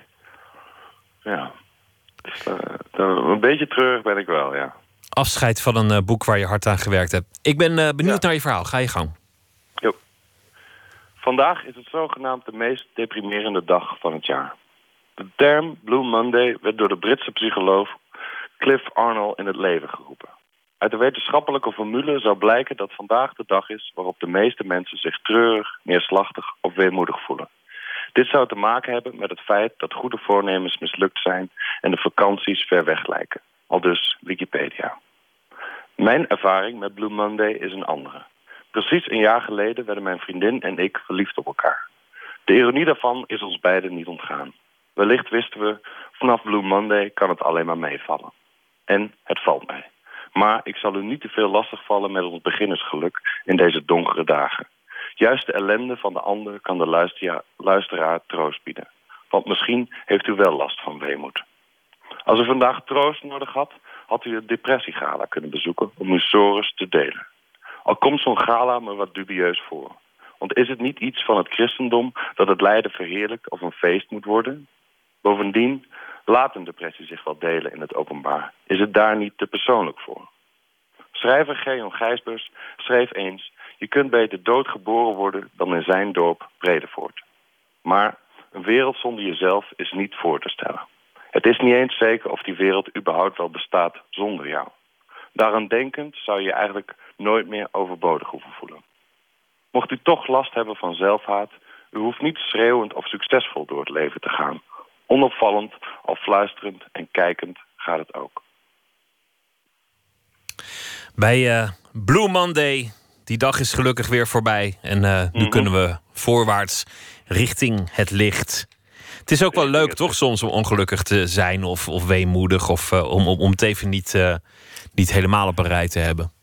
Nee, dat, maar dat, dat is ook niet... eh, ja, als je goed om je heen kijkt, is het moeilijk om altijd blij te zijn natuurlijk. Dat, dat, de, ja, dat is ook wel een soort van prettig, ja. Ja, daar moet, je, daar moet je in kunnen zwelgen, Ja, vind ik. maar, maar niet te lang. Nee, nee, niet te lang. Maar goed, januari is een vreselijke maand en de winter is een afschuwelijk seizoen. En Blue Monday is voorbij. Jona, Ja. dank je wel. Goeie Graag. En graag weer Jij tot ook. morgen. Tot morgen.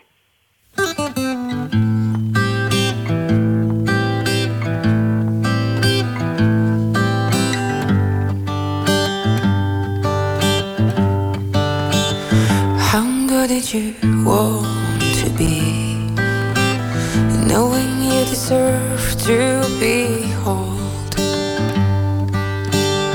more than fear. You know how to have someone when it's right.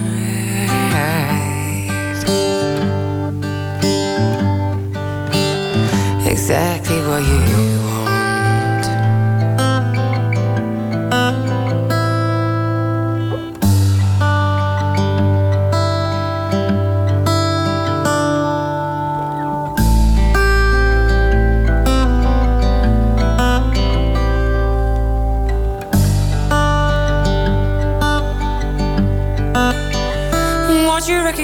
Of love, how decisive and smart every almost.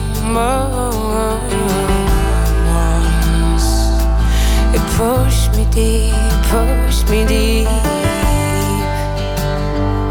into all of my own, into all of my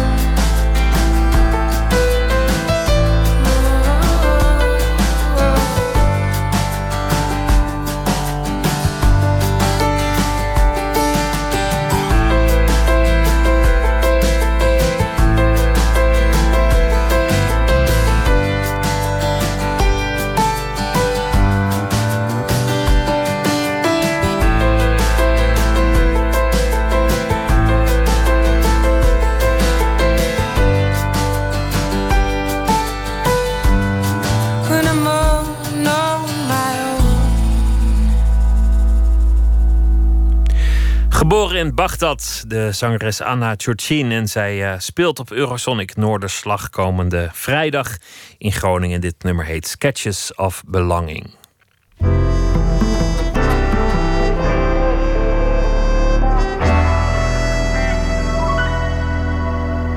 De rubriek heet Open Kaart 150 vragen over werk en leven. Te gast is acteur Chris Peters. Speelt eh, mee in Romeo en Julia in de versie van toneelgroep eh, Oostpol. En hij speelt de rol van Tebaldo. En uh, het stuk reeds, is al reeds met sterren overladen in de recensies. En hij werd geroemd op zijn mooie gestoorde rol. Vorig jaar speelde hij in Tonio. De verfilming door Paula van der Oest van het boek van AFTH van der Heijden. En de Volkskrant noemde hem het acteertalent van 2000. 18. Chris Peters, welkom. Hallo, goedenavond. Dat is een enorm compliment. En, en uh, tegelijk zou ik er ook van schrikken als mensen zoiets zeggen. Het acteertalent van 2018. Uh, nou, ik was vorig jaar derde geworden. Oh ja. Ja, dus ik wist wel dat, dat het kon.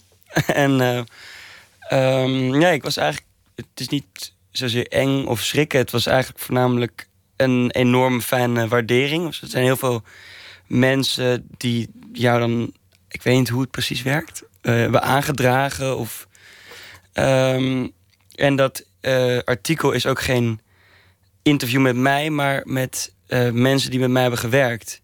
Met, dus met Marcus, de regisseur van Romeo en Julia. Nu. Marcus Tassini? Ja. ja. En ze hebben ook um, Adrie, de schrijver van Tonio, gevraagd wat hij van mij vond. En um, dus het is heel mooi om te lezen wat andere mensen juist van jou vinden en jou verklaren. Ja, voor Adrie van der Heijden, de, uh, dat, dat is natuurlijk heel kwetsbaar. Want jij speelde zijn overleden zoon in die film. Het is een waar gebeurd verhaal. Um, een, een boek dat enorm succesvol was. Dat is altijd moeilijk om, om te verfilmen. En jij speelt dan zijn zoon. Dus dat, dat, dat als hij jou daarmee complimenteert... dat dat zegt al wat, lijkt me. Ja. Um, ja, kijk, Adrie kan het ook heel goed als losstaand kunstwerk zien. Zoals hij zijn uh, boek ook als een losstaand kunstwerk zag. Ja, ja dus. dus um, um, nou ja, dat is, dat is sowieso. Uh, dus hij, hij kan er ook goed over praten. En dus het, hij, hij benoemt ook heel erg mij als acteur. dat, dat hij dat goed vindt gedaan. En dat het dan soms samenvalt met echt zijn zoon. Um, ja, dat vind ik alleen maar een heel groot compliment, eigenlijk. Ja. Vertel eens over, uh, over het stuk uh, Romeo en Julia. Ja. Het, is, uh, het is het stuk van Shakespeare natuurlijk, maar in een hedendaagse versie met hedendaags taalgebruik. En jij speelt de rol van Tebaldo. Wie was hij ook alweer? Tebaldo is de neef van Julia. Um, je hebt twee families in het stuk: uh, de uh, Montagues en de Capuletti's. Um, aardsrivalen van elkaar. En dan heb je dus de ene kant Romeo's kant, de Montagues, en Julia's kant, de Capuletti's. Bij ons in het rood en in het blauw, om het nog uh, duidelijker te maken. Um, en eigenlijk staat Tebaldo symbool voor de haat die er tussen beide families is. De rivaliteit en uh, de, de, afgunst. Ja, ja, ja, dat is eigenlijk de vlees geworden afgunst en haat. Hij heeft ook bijna geen, hij heeft geen deel in het hele liefdeslijntje tussen Romeo en Julia. Hij weet daar ook niks van. Dus uh, dat is, ja. Hij is van de veten. Er wordt ook veel gescholden in het stuk en, en, en goed hedendaags uh, gevloekt. Wat, wat voor, wat, wat voor veiligheid rolt er uit jouw mond? Uh, nou, dit is een uh, bewerking. Het is echt um, door um, Jan Hulst en Casper Taansken... die zelf ook vaak regisseren. En zij hebben een... een um, zijn enorm slimme jongens. Ik heb al eerder een stuk met hun gespeeld... in mijn stagejaar op de toneelschool. En uh, ze hebben een, een modern taalgebruik... maar niet op, het, op de manier waar ik het vaak enorme zweetaanvallen van kan krijgen, is als, als het heel hippig is gedaan. Dit zijn, dit zijn, het wordt slim geschakeld tussen Shakespeare en, en, en de taal die wij spreken. En af en toe ben je het echt kwijt. Ben je, dan ben je echt, weet je niet of je nou naar, naar hun zit te luisteren. Of dan denk je dat je naar hun zit te luisteren. Blijkt dat Shakespeare te zijn of andersom ook weer. Dus het sluit aan en het is wel degelijk mooi taalgebruik. Het is niet een soort verhipping of een. Uh, nee, het is niet een simpele. Het is echt een. een, een uh, het is in elkaar gevlochten. Als een, als een knoop waar je niet ziet waar, waar het een begint en waar het ander ophoudt. Uh, nou, toch, natuurlijk, soms zijn er uitstapjes en dan weet je, dit is. Want dan, ja, dan is het inderdaad een, een groot gekanker. En, en tieners kunnen ook zwanger worden. Uh, en dan gaat het alleen maar over wat we nu allemaal op de tv zien, bijvoorbeeld. Dat kan ook ineens. Ja, Kendall Jenner met, die heeft een Pepsi-commercial gedaan een paar jaar geleden. Dat wordt uitgebreid opgehaald ook, ja. Laten we beginnen met de kaarten. Wil je erin trekken, alsjeblieft? Ja, ik zie, de, ik zie nu deze. Natuurlijk een andere. Deze. Waar was je op 11 september 2001? Aha. Um, ik was toen jong. Hoe oud was je toen? Ja, weet ik niet. Even kijken. Ik ben nu 23. Ja, dan was je acht of zoiets, denk ik. Ja. Nee, ik weet, ik weet dat ik in de, in de klas zat. En dat er iets, dat er een vrouw naar mijn juffrouw kwam. Die kwam binnengelopen en die vertelde wat. En mijn juffrouw die schrok heel erg. En op een gegeven moment uh, was de school klaar en toen ging ik naar huis. En ik weet dat ik, mijn moeder zag ik staand voor de televisie. En die was aan het huilen. Um, en omdat gewoon uh, die beelden kwamen net langs. Dus ik heb het heel erg meegekregen wel. Zo, ik ben het heel erg herinnerd. Wel. Hoe jong je ook was, je had door dat dit heel groot en belangrijk ja, was. Ja, heel erg, ja. Ja, op een, ja ik, op een, en ik was ook heel erg... Daarna uh, kwam ook die... Uh, met Osama Bin Laden en zo. Daar was ik ook echt heel bang voor. Osama Bin Laden heb ik echt ook nachtmerries over gehad. Of zo. Ja. Laten we nog een uh, kaart trekken. Ja.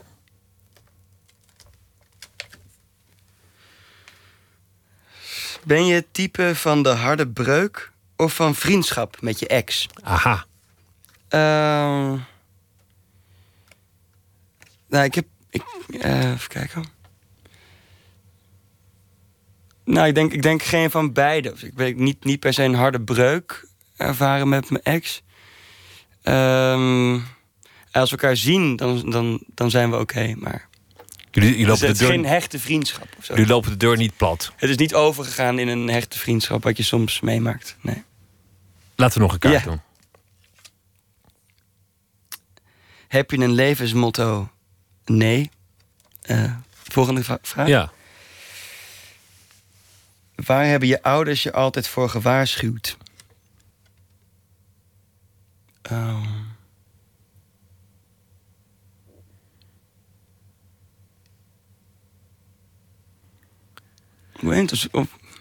Toen je ging acteren bijvoorbeeld. Nee, want daar waren ze heel erg... eh, heel erg... ehm, vonden, ze, vonden ze vet dat ik dat wilde doen. Steunden ze me daarin ook. Want veel ouders zijn dan heel bang als, als eh Ja, ja. zoon lief kiest voor iets creatiefs of, eh, of iets onzekers. Ja, nou eigenlijk, mijn, mijn vader is cameraman en mijn moeder is scenario schrijfster. Dus Die kenden die dat hebben al. dezelfde keuze gemaakt.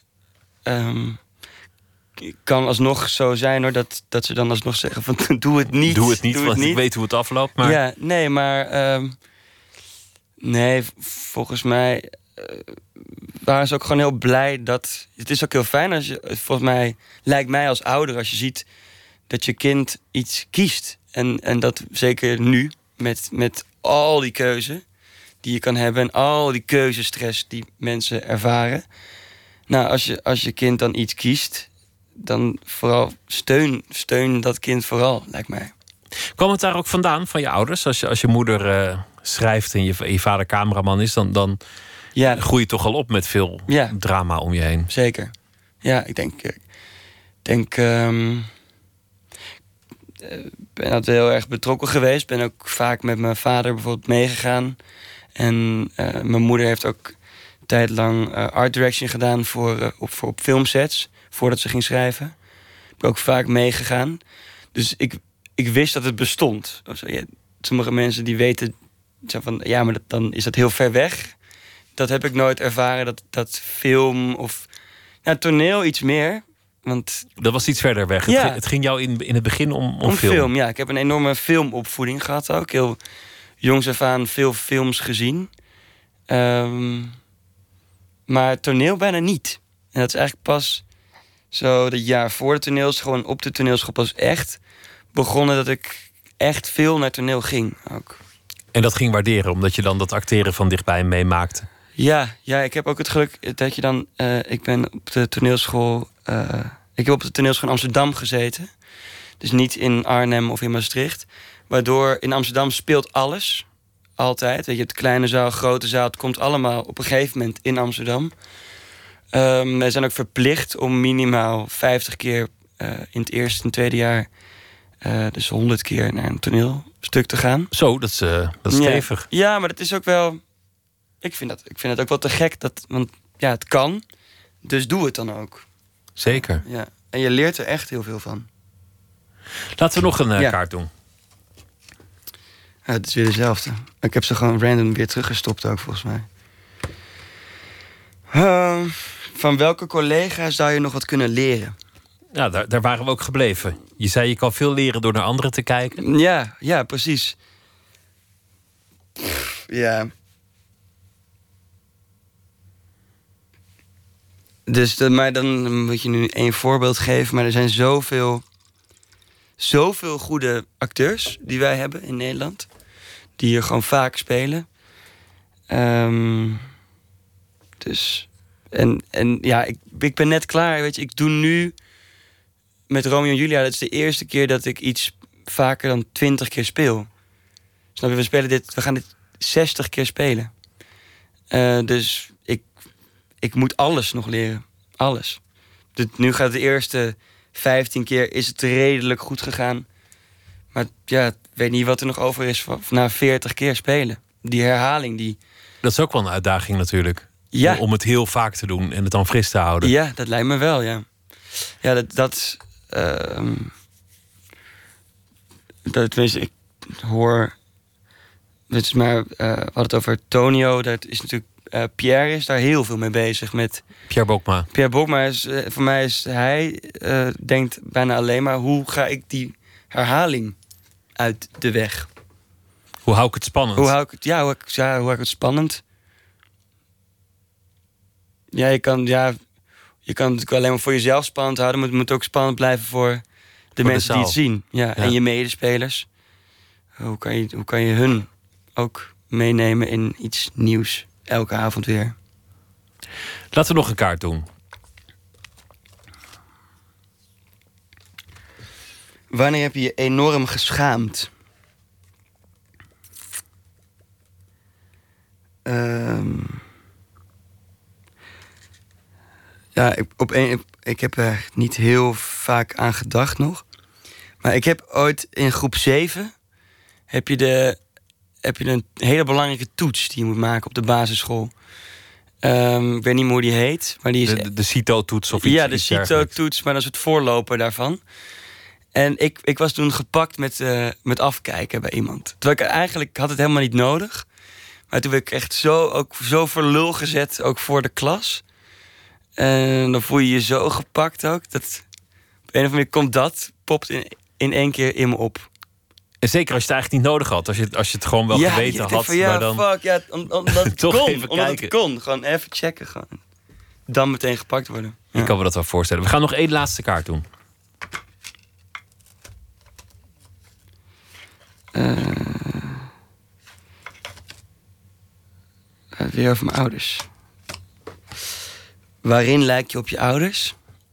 Ehm.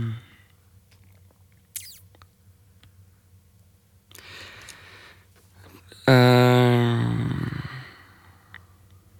nou, ik denk dat ik vooral een com- echt wel een combinatie ben van, van mijn, allebei mijn ouders. Qua karakter, wat, wat, eh, hoe zou je dat typeren? Wat, wat voor iemand is je moeder, wat voor iemand is je vader? En wat, wat Eh, heb jij daarvan?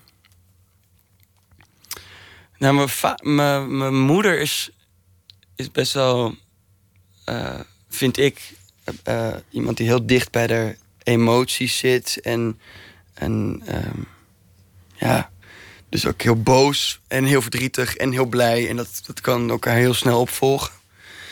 Ehm, heel gevoelig dus. En, en mijn vader heeft dat iets minder. Is, ehm, die is iets terughoudender in zijn- in zijn gevoel. Iets wat, wat rustiger ook, ook. Ook fysiek eigenlijk. Ik denk dat ik in mijn fysiek bijvoorbeeld meer op mijn moeder lijk. Heb ik het idee dat ik praat altijd vrij veel met mijn handen en, en met mijn gezicht. En voor mij heb ik dat echt van mijn moeder. Ehm, terwijl ik op de kop van mijn, van mijn vader, eigenlijk. En ehm, ja, god, ja, ik weet het echt niet. Een combinatie van beide, kortom. Ja. Het stuk is eh, te zien eh, allereerst in, eh, in Arnhem bij Oostpol en gaat later ook op reis. Chris Peters, dank je wel. En het stuk heet Romeo en Julia. Dank. Dankjewel. Bad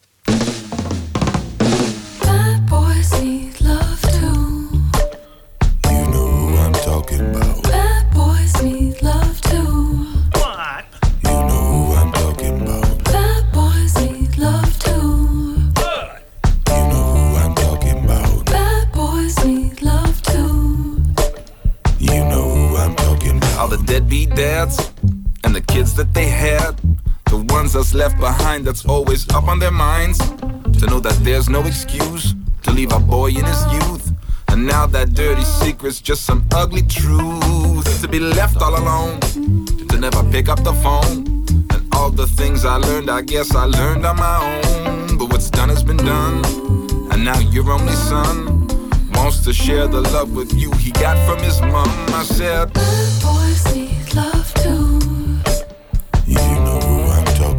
Bad boys need love too.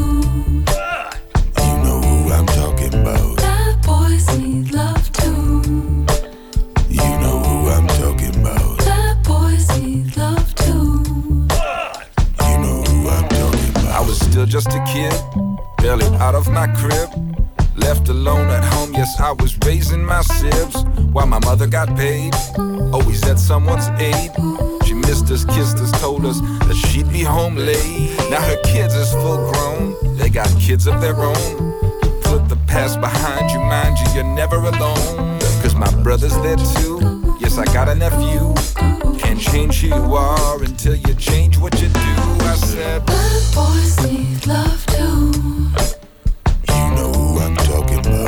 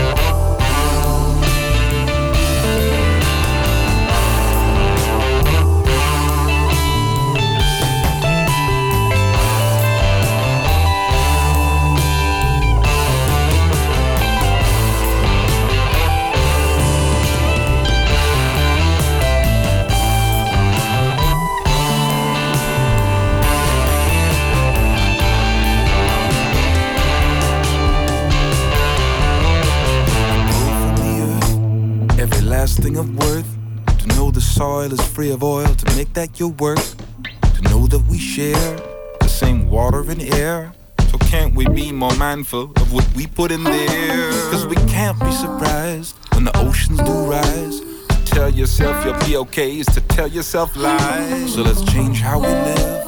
Let's take and more give. It's in my mother's nature now to always forgive myself. Boys need love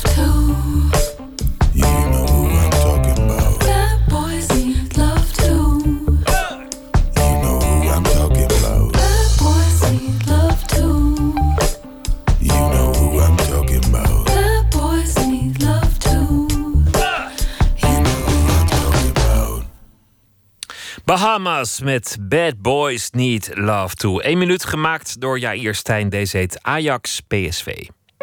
Pst, één minuut. Nee, echt niet. Nee, tuurlijk niet. Ah, jong, niks aan de hand. Flauwekul.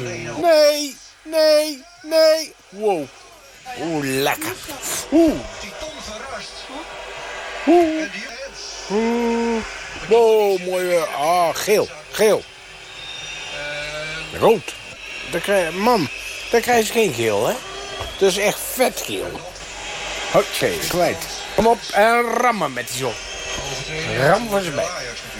Ja! Ik mocht gewoon elke keer weggaan.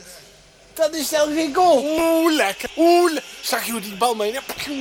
Oh, glijdt uit. Oeh, leer. Oeh, lopen we. Man, dikke rus. Zag jij het? eh? Ik zag geen buitenspel.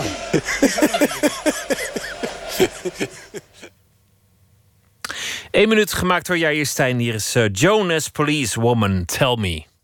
Tell me, tell me, tell me, what, what, what do you want? Tell me, tell me, tell me, what, what, what do you need?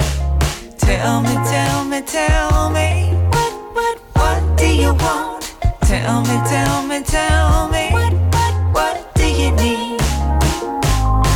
You know the science is free admission. So what do you say?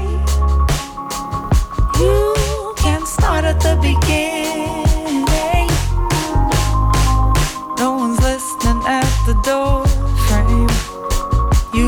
Separate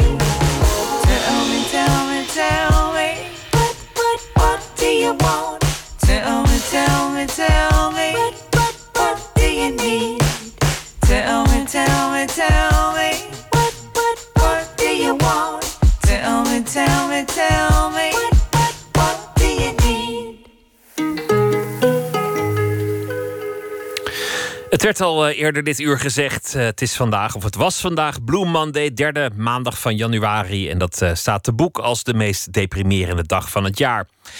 Moeten we ons afkeren van de misère en haastig op zoek naar geluk? Is geluk eigenlijk het hoogst haalbare? En wat is het dan precies? Regisseur Nina Spijkers is gefascineerd door het thema geluk. Heeft een nieuw toneelstuk te zien vanaf 8 februari met de titel Geluk. En op deze deprimerende dag was zij aanwezig bij een lezing over geluk in de literatuur. Nina, goeienacht. Hallo, goedenavond. Vanwaar die fascinatie voor geluk?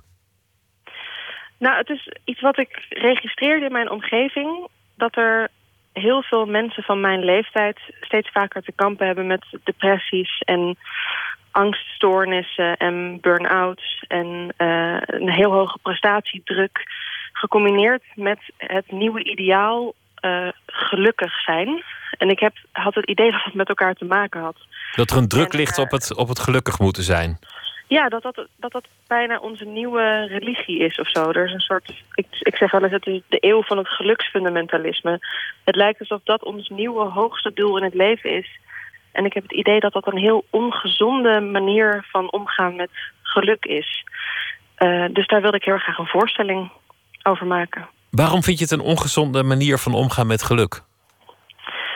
Nou, omdat volgens mij geluk niet iets is wat je moet proberen eh, te grijpen of waar je naar moet streven. Geluk is iets wat er is of niet, of wat, wat, wat even een moment er is. Maar om te proberen om constant in een, soort extase van geluk te existeren, eh, is een onmogelijkheid. Eh, en daar komt nog eens bij dat de commercie ons probeert te vertellen dat geluk inmiddels iets is wat maakbaar is en te koop. En dat is, een, een, ben ik bang, een illusie. Dat je dat door een bepaald boek aan te schaffen... of een bepaalde film of een televisie... dat je geluk kan kopen. Maar mensen geloven dat toch soms. En als dat dan niet gebeurt... en je ziet dan op social media een heleboel andere mensen... die dat wel heel erg lukt, dat gelukkig zijn... of dat lijkt zo... dan voel je je nog grotere loser eigenlijk. Ja, is een interessante gedachte. Stel dat je, dat, je, dat je 90 jaar leeft en je bent 90 jaar onophoudelijk alleen maar gelukkig. Dan, Ja. dan, dan is, het, is dat waarschijnlijk toch een gek leven geweest. Want, want het, is niet aannemelijk Heel saai ook, lijkt me. dat, dat je dan leert of, of verder komt. Het, zal af en toe gewoon een dip zijn. Lijkt me reëel. Ja, dat moet, en dat moet je ook omarmen. Want dat, daar zit ook een enorme kracht en een enorme schoonheid en eh, eh, een, ook een leerweg. Dus ik denk dat je ongeluk ontzettend nodig hebt om gelukkig te kunnen zijn. Alleen denken wij nu dat we dat niet meer mogen zijn. Of dat je dat meteen moet proberen weg te stoppen en meteen weer terug naar geluk. Terwijl ik zou iedereen willen oproepen, en mezelf ook, om dat af en toe te koesteren. Om eh, even dat verdriet echt te voelen, omdat het ook een bron kan zijn van kunst, bijvoorbeeld. Eh, maar ook van eh, ja, groei van jezelf eigenlijk. Een leven waarin alles draait om geluk is, is onwaarachtig en misschien ook oppervlakkig. Ik denk het ja. Het lijkt mij ook heel saai. Ik Ja. stel me ook zo voor, als je dat doordenkt, als iedereen echt heel erg gelukkig zou zijn, dan zou er denk ik geen kunst meer zijn, bijvoorbeeld. Dat is toch een plek waar je troost zoekt eh, en waar kunstenaars dingen verwerken in kunst. Hoeveel briljante schrijvers zijn er niet doodongelukkig, letterlijk, geweest? Die, eh, die zouden we dan allemaal moeten missen als we dat verdriet alleen maar proberen weg te stoppen en constant gelukkig proberen te zijn. Wat, wat, eh, hoe heb je dat aangepakt in je toneelstuk? Wat, is daar te zien? Nou, dat zijn we nu aan het maken. Dus eh, we werken niet vanuit een tekst, we werken vanuit improvisatie. En we verzamelen teksten gebaseerd op onze eigen fascinaties of op eh, research en boeken die we daarover hebben gelezen. En we proberen daar een voorstelling van te maken. En om de mensen niet per se één waarheid te presenteren, maar meerdere. Eh, want wij weten het ook niet. We hebben wel een heleboel ideeën. En ik praat er wel over alsof ik een soort antwoord heb. Maar het is natuurlijk een heel ingewikkeld en breed onderwerp. Dus wij proberen dat te vangen in, in, in theater. Dus in taal, maar ook heel erg in muziek. Want het is een muziektheatervoorstelling. Dus we eh, spelen liedjes. Sommige zelf geschreven en sommige gestolen. Eh, wij maken acts. Wij doen monologen. Sommige gestolen en sommige zelf verzonnen. En daarvan proberen wij iets samen te stellen... eh, wat eh, een avond, zeg maar, resu- waar het resulteert in een avond die eh, een heleboel vragen beantwoordt en er hopelijk nog een heleboel nieuwe vragen bij creëert voor het publiek. En dan was je vandaag op die, op, op die depressieve dag bij een lezing over het geluk in de literatuur. Heb, Ja. heb je daar nog iets geleerd? Ja, het was heel erg inspirerend. Er was een eh, eh, fantastische eh, vrouw, Esther op de Beek, die iets vertelde over geluk in de literatuur. En die liet zien hoe dat, ja, eigenlijk de omgang met geluk in romans veranderde door de eeuwen heen. En hoe dat na de verlichting meer op de mens zelf is aangekomen. Dus dat je een eigen verantwoordelijkheid daar hebt. En dat het langzaam naar een plicht gaat zelfs, om gelukkig te zijn. Dat, dat je dat heel mooi gereflecteerd ziet in die literatuur. Dus dat was heel erg inspirerend. En wij hebben wat dingen laten zien uit ons repetitieproces. Dus wij hebben een, eh, een monoloog gedaan. eh, De Happy List noemen wij die. Met, z'n- dat is een soort postmodern gedicht met alleen maar titels van zelfhulpboeken over geluk. En we hebben een hymne gezongen over geluk. Dus wij probeerden de avond een beetje een theatrale bijklank te geven. Ja, het zou, zou een enge samenleving zijn als het echt verplicht was om gelukkig te zijn. Een soort Nou, permanente druk. Ja. Ja. ja, ik denk dat dat een heel gevaarlijk ehm, zoektocht is. A, omdat het niet kan. Dus het zal mensen alleen maar frustreren en ongelukkig maken, denk ik.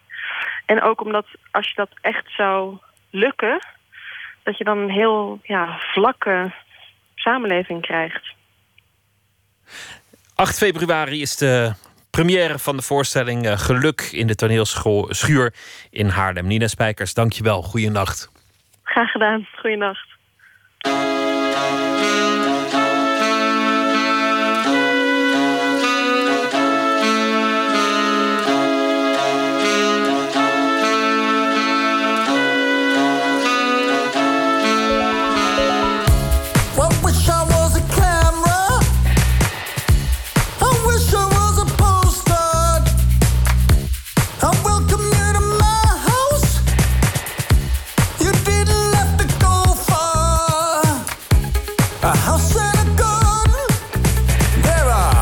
There's plants and trees. Make uh, a a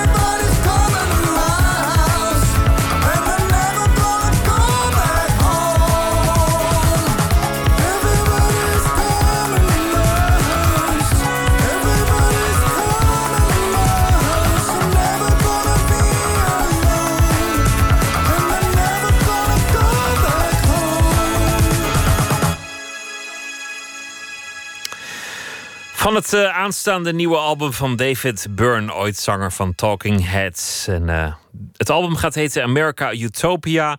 En dit is de single Everybody's Coming to My House. Nooit meer slapen.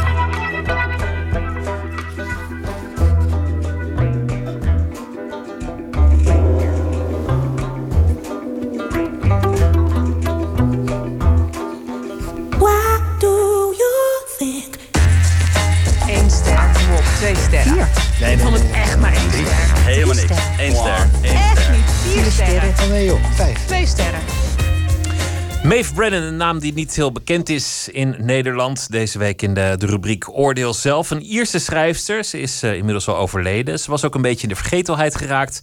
Totdat een van haar korte verhalen in 2012 verscheen in The Granta Book of the Irish Short Story. Inmiddels is ze ook in Nederland eh, opgevallen en zelfs eh, vertaald. Vorig jaar verscheen een verhalenbundel aan het eind van het jaar. De twaalfjarige bruiloft en andere verhalen. En het is getipt door verschillende kranten. Maar wat vinden de rest van de lezers ervan? Anne Moraal, onze redacteur, is hier. Eh, Anne, vertel, wat is het, eh, wat is het voor eh, bundel? Het is eh, een bundel en die bestaat uit eh, zeven verhalen. eh, zes kortere en één langere. En eh, meestal verhalenbundels zijn elk, is elk verhaal wel anders, hebben wel samenhang. Maar ja, eigenlijk zou je deze verhalenbundel ook als een soort roman of novelle kunnen lezen. Want het is allemaal gecentreerd rond hetzelfde gezin. eh, wat bestaat uit het echtpaar Delia en Martin. En het wordt dus verteld vanuit Delia of Martin. En ehm, het laatste langere verhaal wordt dan weer verteld vanuit eh, Min, de tweelingzus van Martin. Dus het gaat eigenlijk over een familie eh, die, eh, die in Dublin woont. Was het mooi? Ja, prachtig. Prachtig. Prachtig. Wat, Ja. vond je, wat vond je er zo mooi aan? Eh, nou, het, is, het zijn natuurlijk ou- oudere verhalen. Ehm, de, schrijf, eh, de schrijfster, Maeve Brennan, die is eh, in de jaren negentig is zij eh, overleden. Ehm, maar het is nog steeds echt heel erg relevant, omdat je je nog steeds kunt herkennen in de personages. Ook al hebben ze hele andere levens natuurlijk. Het speelt zich af rond de jaren 50. Ehm, maar ja, als, als, alsnog kan je het gewoon als ja, modern mens, zeg maar, ja, je inleven. Nog niet verloren aan, eh, aan zeggingskracht. Hoe is het op jouw pad gekomen? Wie heeft het, eh, wie heeft het jou aangereikt? Nou, ehm, eh, dus verschillende kranten hebben het getipt. Dus ik zag het verschillende keren wel voorbij komen. Als je het boekje zelf ziet, het is vrij klein en het valt niet echt op. Dus ja, wat dat betreft, ik had het wel zien liggen in de boekhandel, maar ik had het nog niet opgepakt. Maar juist omdat het, ja, verschillende kranten het hadden getipt, toen dacht ik, nou, ga ik ook maar eens even kijken wat dat is. En toen bleek ook nog eens de schrijfster een heel erg bijzonder verhaal te hebben. Vertel. Nou, ehm Maeve Brennan, eh, ze is van oorsprong komt ze uit Ierland, maar ze is in, op haar zeventiende met haar gezin eh, naar New York verhuisd. En eh, daar is zij een soort heel wild leven gaan leiden. En eh, heeft ze onder andere voor de New Yorker eh, geschreven. En nou, eigenlijk toen ik over haar las, moest ik eigenlijk een beetje denken aan Holly Golightly, de personage uit Breakfast at Tiffany's. En ehm, nou ja, E- Edith Vroon van de Amsterdamse Linnaeus Boekhandel, zij tipte dit boek in aflevering 54 van Onderkerst, de kersteditie van de literaire podcast Onderkast. En ja, zij vertelt eigenlijk eventjes wat over haar leven. Eh, Maeve Brennan, ze is eh, uit 1917 al in Ierland geboren. En ehm, ik ben altijd vroeger tijdens mijn studie, hè, voor mijn vent-discussie... ehm, dat ik die vent vond ik nooit belangrijk. Het ging echt om de vorm. Maar nu, dit is dan weer zo'n intrigerend levensverhaal... dat ik daar toch wel door getriggerd ben. Eh, ze is op haar zeventiende van Ierland naar New York getrokken... en was eigenlijk een soort ja, fenomeen. Ze begin jaren 40 kwam ze daar aan. En ze, heel jong kwam ze bij de New Yorker te werken, wat ik dan al wel indrukwekkend vind. Ze had een column en eh, ze schreef korte verhalen. En ze is helemaal van, eh, ja, van het padje geraakt. Eigenlijk ze is helemaal totaal ontspoord. Eh, ze mocht soms slapen op de damestoilet, omdat ze dan geen, geen van de New Yorker van het redactiekantoor. en dan ja, ze is gewoon echt helemaal aan lager wal geraakt. Wat ik dan heel fascinerend vond. Want zij was echt in haar tijd gewoon wel echt een grootheid. Ehm, ze is uiteindelijk echt... Vrienden hebben haar eh, laten opnemen. En daar is ze gestorven. Ze is best wel oud geworden. Bijna 80 geloof ik. Dus dat, maar ze wist echt van niks meer. Ja, nou ja, ze is dus eh, ja, gek geworden, zeg maar. En in een inrichting beland en daar dus gestorven. Dus ik denk ook dat dat ermee te maken heeft waarom ze in de vergetelheid is geraakt. En wat ik zo opvallend vind eh, de, aan haar wilde leven is dat juist als je het boek leest, zou je helemaal niet verwachten dat er zo'n wilde schrijfster achter zit. Het is een, een boek eh, wat eigenlijk heel erg over burgerlijkheid eh, gaat en hoe iedereen vastzit in zijn eigen patronen. En daar heel erg moeilijk uitkomt. Dus eigenlijk is het misschien wel een soort van vorm van rebellie. Eh, dit is ook Edith Vroon opgevallen. Maar ze kon dus waanzinnig goed schrijven. En wat ik leuk vind, is dat ze dus een heel uh, rock'n'roll-achtig bestaan heeft ge geleefd. Of heeft gehad. Maar uh, de verhalen die in deze bundel staan, de twaalfjarige bruiloft, die zijn echt heel ja, klein burgerlijk en heel beklemmend en benauwend. Ze gaan Het zijn zeven verhalen, zes verhalen over steeds dezelfde personages, wat ik eigenlijk ook wel leuk vind. Weer eens wat anders. Ik roep altijd, het is zo leuk dat je per verhaal in een andere wereld zit. Maar eigenlijk zit je steeds weer in dezelfde wereld. Van een echtpaar met twee kinderen. En eigenlijk vooral in het hoofd van die vrouw. En wat ik zo knap vind, is dat ze zo minutieus beschrijft hoe die vrouw door het huis loopt. Als bijvoorbeeld de kinderen zijn een maand eh, eh, uitbesteed in de zomer. Maar die vrouw heeft niks om handen. Dus als die kinderen niet zijn, is ze echt totaal ja, hulpeloos. Maar dat, ze weet eigenlijk dat dat niet goed is. Dus dat mag niet. Dus ze moet toch iets om handen hebben. En dan verschuift ze nog eens wat plantjes. En dan knipt ze nog eens wat rozen. En dan gaat het regenen. En het is allemaal heel, ja, heel benauwend ook. En ehm, ze heeft een heel bloedeloos huwelijk, wat ook, waar je ook niet vrolijk van wordt. Dus het past allemaal heel goed in de kerst, eh, kersttijd. Ehm, eh, en dan ook, weet je, van die hele mooie zinnetjes dat ze dan. eh, de stil, als, ze, als die man thuis is en de kinderen zijn, dan durft ze het niks aan te kaarten.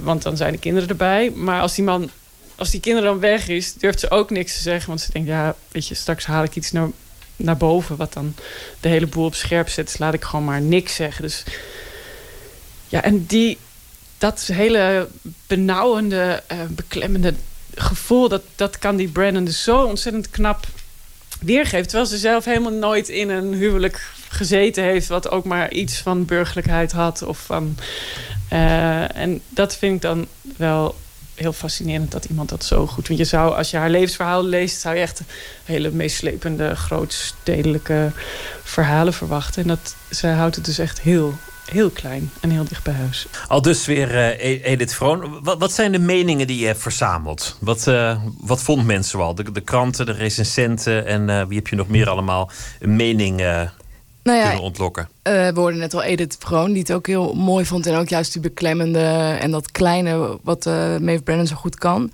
Ehm, ik heb ook een recensie van eh, Eveline Brouw uit, uit Zeist. Ehm, zij schrijft een benauwde situatie, klein en haarfijn beschreven met verbanden naar Ierland, het katholicisme en de positie van de vrouw begin 1900. Op een manier die teder en ontroerend is. De collageknipsels van de illus- illustratrice verhogen dit gevoel. Een prachtig boek, het lezen waard. En eh, Katja de Bruin schreef in de VPRO-gids in al zijn eenvoud onvergetelijk eh, prachtig. De, de Ierse literatuur, daar heb je een, een paar grootheden. Eh Roddy Doyle heeft dit boek omarmd. Ja, hij heeft zelfs alles van haar gelezen. En dat is op zich ook nog wel grappig. Omdat je hoort nu heel veel mensen zeggen van... dat is eigenlijk raar dat zo'n wilde vrouw zo'n boek kan schrijven. Maar ehm Maeve Brennan heeft ook heel veel over New York geschreven. En juist hele wilde verhalen zijn dat. En eh, ik heb hem eh, gehoord in gesprek met de New Yorker. En daar eh, zegt hij wat over het contrast tussen haar Iers verhalen... en haar verhalen over New York. I think I've read all her stories, and the strongest ones are undoubtedly the ones that are set in her childhood or that were fashioned from her childhood. And I know its personal taste comes into it, but the New York stories, for example, which I suppose were more uh, fed by her adult years, I don't find as um, engrossing at all. The Dublin ones are the ones that really, um, well, still floor me. Al dus eh, Roddy Doyle in gesprek met eh, de New Yorker over eh, Maeve Brennan, de 12-jarige bruiloft en eh, andere verhalen. Anne Moraal, dank je wel. Dankjewel.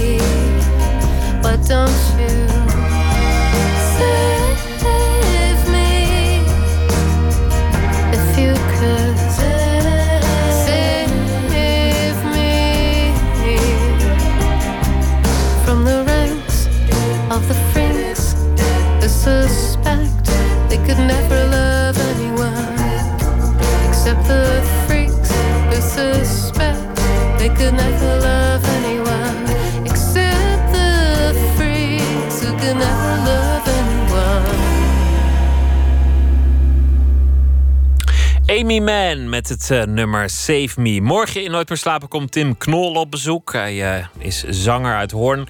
En hij heeft een eh, nieuw album. Hij heeft meerdere albums gemaakt. Maar zijn nieuwste heet Cut the Wire. En het gaat over een moeilijke periode die hij in zijn leven heeft gehad. En die nu weer achter de rug is. Maar de liedjes stammen wel nog uit die tijd. Dat allemaal morgen in Nooit meer slapen. En voor nu wens ik u een goede nacht. Zometeen kunt u luisteren naar de EO. Veel plezier daarbij. En graag weer tot morgen.